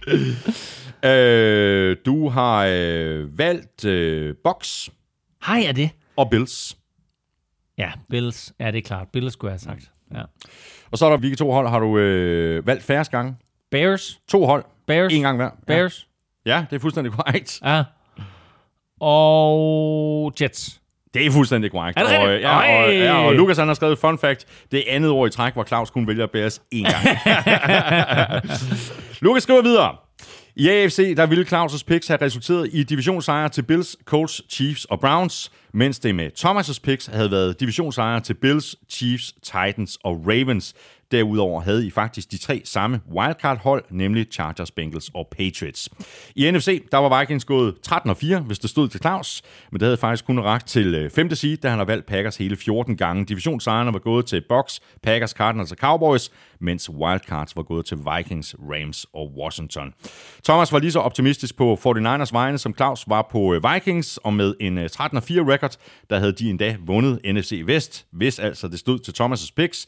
Divisionsvinderne havde været Bucks, Cowboys, Packers og 49ers, mens de tre wildcards var gået til Cardinals, Rams og Vikings. Og det betyder så, at Claus samlet set rammer 9 af 14 playoff-hold, mens Thomas rammer imponerende 11 af 14. En lille trøst, når nu Claus løb med den regulære sæson. Ja, en meget lille trøst. Lukas. En meget, meget Jamen, kan stadig ikke nå at hente det, ikke? Det kan jeg sagtens. Ah, fire picks på... Øh, 13 kampe. Ah, det er lidt op ad bakke, ikke? Ja. Nå. Og du, og du vælger først, ikke? det har jeg gjort stort set ja. vejen igen. Åh, oh, hvad er det for noget fis? Det er jo rigtigt. Okay, godt så. Ja, godt så. Nå, så skal vi til det. Wildcard-kampene. Ja. Super Wildcard Weekend. Ja, tak. Bengals Raiders. To kampe lørdag, tre kampe søndag og en enkelt kamp mandag nat. Bengals Raiders åbner hele ballet lørdag kl. 22.30. Mm. Jeg siger, at Bengals på hjemmebane vinder over Raiders. Det siger jeg også. Bills Patriots. Jeg tror desværre, vi er enige også her. Jeg siger Bills. Ja, jeg synes, at Bills havde rigtig godt fat i Patriots uh, sidste gang, de mødtes. Så uh, jeg, siger, jeg siger Bills. Og så har vi søndagskampene. Buccaneers, Eagles. Den er svær. Ja, det er den faktisk. Øhm, det er den. Ja. Men jeg går med hjemmehold. Jeg går med Buccaneers. Godt. Jeg, jeg, jeg, jeg, åh, jeg vil gerne sige Eagles. Jeg vil gerne sige Eagles. Jeg havde faktisk skrevet Eagles, da, jeg, da, ja, da jeg sad og skrev min bud. Eagles. Så jeg, da jeg sad og skrev min bud ned i går, der skrev jeg Eagles. Men jeg ændrede det her til morgen. Altså bortset fra den her ned, ned, nedsmeltning og nedslagning mod Cowboys, så har Eagles været rigtig, rigtig ja, gode de sidste ja, to måneder. Ja, det har de. Øhm, altså jeg vil sige, det kloge Eagles, de kan gøre her, det er jo at gå ud og hente Nick Foles. ikke? Altså, Tom Brady imod Nick Foles, ikke? Altså, det, det vil skabe en nedsmeltning hos Tom Brady. Så øh, jeg siger, øh, jeg siger, at, øh, åh, jeg siger Buccaneers. Jeg siger også Buccaneers. Mm. Nå. Cowboys 49ers. Godt, så får vi noget spredning på, for jeg går nemlig med 49ers. Jamen, det gør jeg også. Seriøst? Ja, det gør jeg. Øh, jeg tror ikke, øh, altså... Åh, ej, var det vildt. Var det vildt. Nej, okay, ved du, jeg, vi får nogle spring på. Jeg siger, jeg siger Cowboys. Fint. Du siger 49ers. jeg fornemmer, at, ja. du, at du føler inde i sjælen, at det er 49ers, der vinder. Det er jeg glad for. Jamen, det tror jeg. Men altså, øh, jeg, jeg, jeg tror, Cowboys forsvar de sparede jo en hel del spillere også her i weekenden, mm, på trods af, at de kørte Eagles midt over. Øh, blandt andet så sagde Michael Parsons ud, og der var flere andre, der ser ud og så videre. Jeg tror, det der Cowboys forsvar, det kan skabe store problemer for 49ers, mm, mm. selvom 49ers jo har et, et, et, et virkelig, virkelig fabelagtigt løbeangreb. Um, jeg vil overtale mig selv her til at tage Cowboys, så mm. det gør jeg. Det er godt. Ja. Øh, Chiefs, Steelers, der får vi også lidt spredning på, fordi jeg siger Chiefs. Ja, der kan ikke være nogen tvivl om, at det bliver en Chiefs sejr. Det er den eneste, jeg vil sige, der er 100% sikker af alle de her kampe, ja, vi går ja, ind til weekenden. Ja. Skal du bare se Steelers vinde, ikke? Ja, ja, præcis. og så mangler vi bare mandagskampen. Rams Cardinals. Ja, lidt svært. Øhm, jeg synes simpelthen, det er for svingende, det Cardinals leverer i øjeblikket. Ja. Det er, en, det er en katastrofe for dem, at de må undvære DeAndre Hopkins, og jeg er bange for, at vi ikke kommer til at se mere til ham i sæsonen. Jeg var lidt overrasket over at se ham stå der på sidelinjen med krykker. Øh, jeg troede, at han var i en bedre forfatning end det. Øh, jeg forestiller mig ikke, at han spiller øh, i øvrigt øh, klogt jo af NFL og lægge kampen mellem Rams og Cardinals om mandagen, fordi der er så kort afstand mellem de to. En teams flyvetur eller sådan noget, ikke? For, for, for Cardinals. Man kunne også have valgt at lægge Bills mod, mod Patriots der om mandagen, men, men det er smart, fordi det, de hold her forestiller mig også, som spiller om mandagen, at de i hvert fald ikke kommer til at spille, vinderne dem kommer ikke til at spille om lørdagen mm. i divisionsrunden, så det bliver helt sikkert en, en søndagskamp for dem. Men øhm, ja, du, du, du, du, du. Jeg tager Rams. Du tager Rams. Øhm, jeg siger Cardinals. Så fik vi lidt spredning. Godt der. Ikke? Så øh, fem hjemmesejre og en udsejr har jeg. Mm. Og du havde vist det samme, tror jeg, med fem hjemmesejre og en udsejr. Med din udsejr var så 49ers over Cowboys. Det bliver spændende. Tak for det, Elming. Øh, fornøjelse som altid. I lige måde, i lige måde en, øh, med far for at gentage mig selv, en fuldstændig vanvittig fed, fabelagtig og alle mulige andre øh, superlativer, der kan bruges. Øh, afslutning omkring den her øh, 18. spillerunde og Chargers-Raiders-kampen. Øh, fedt, fedt, fedt. Ja. Og en god måde at gå ind i slutspillet ja. på.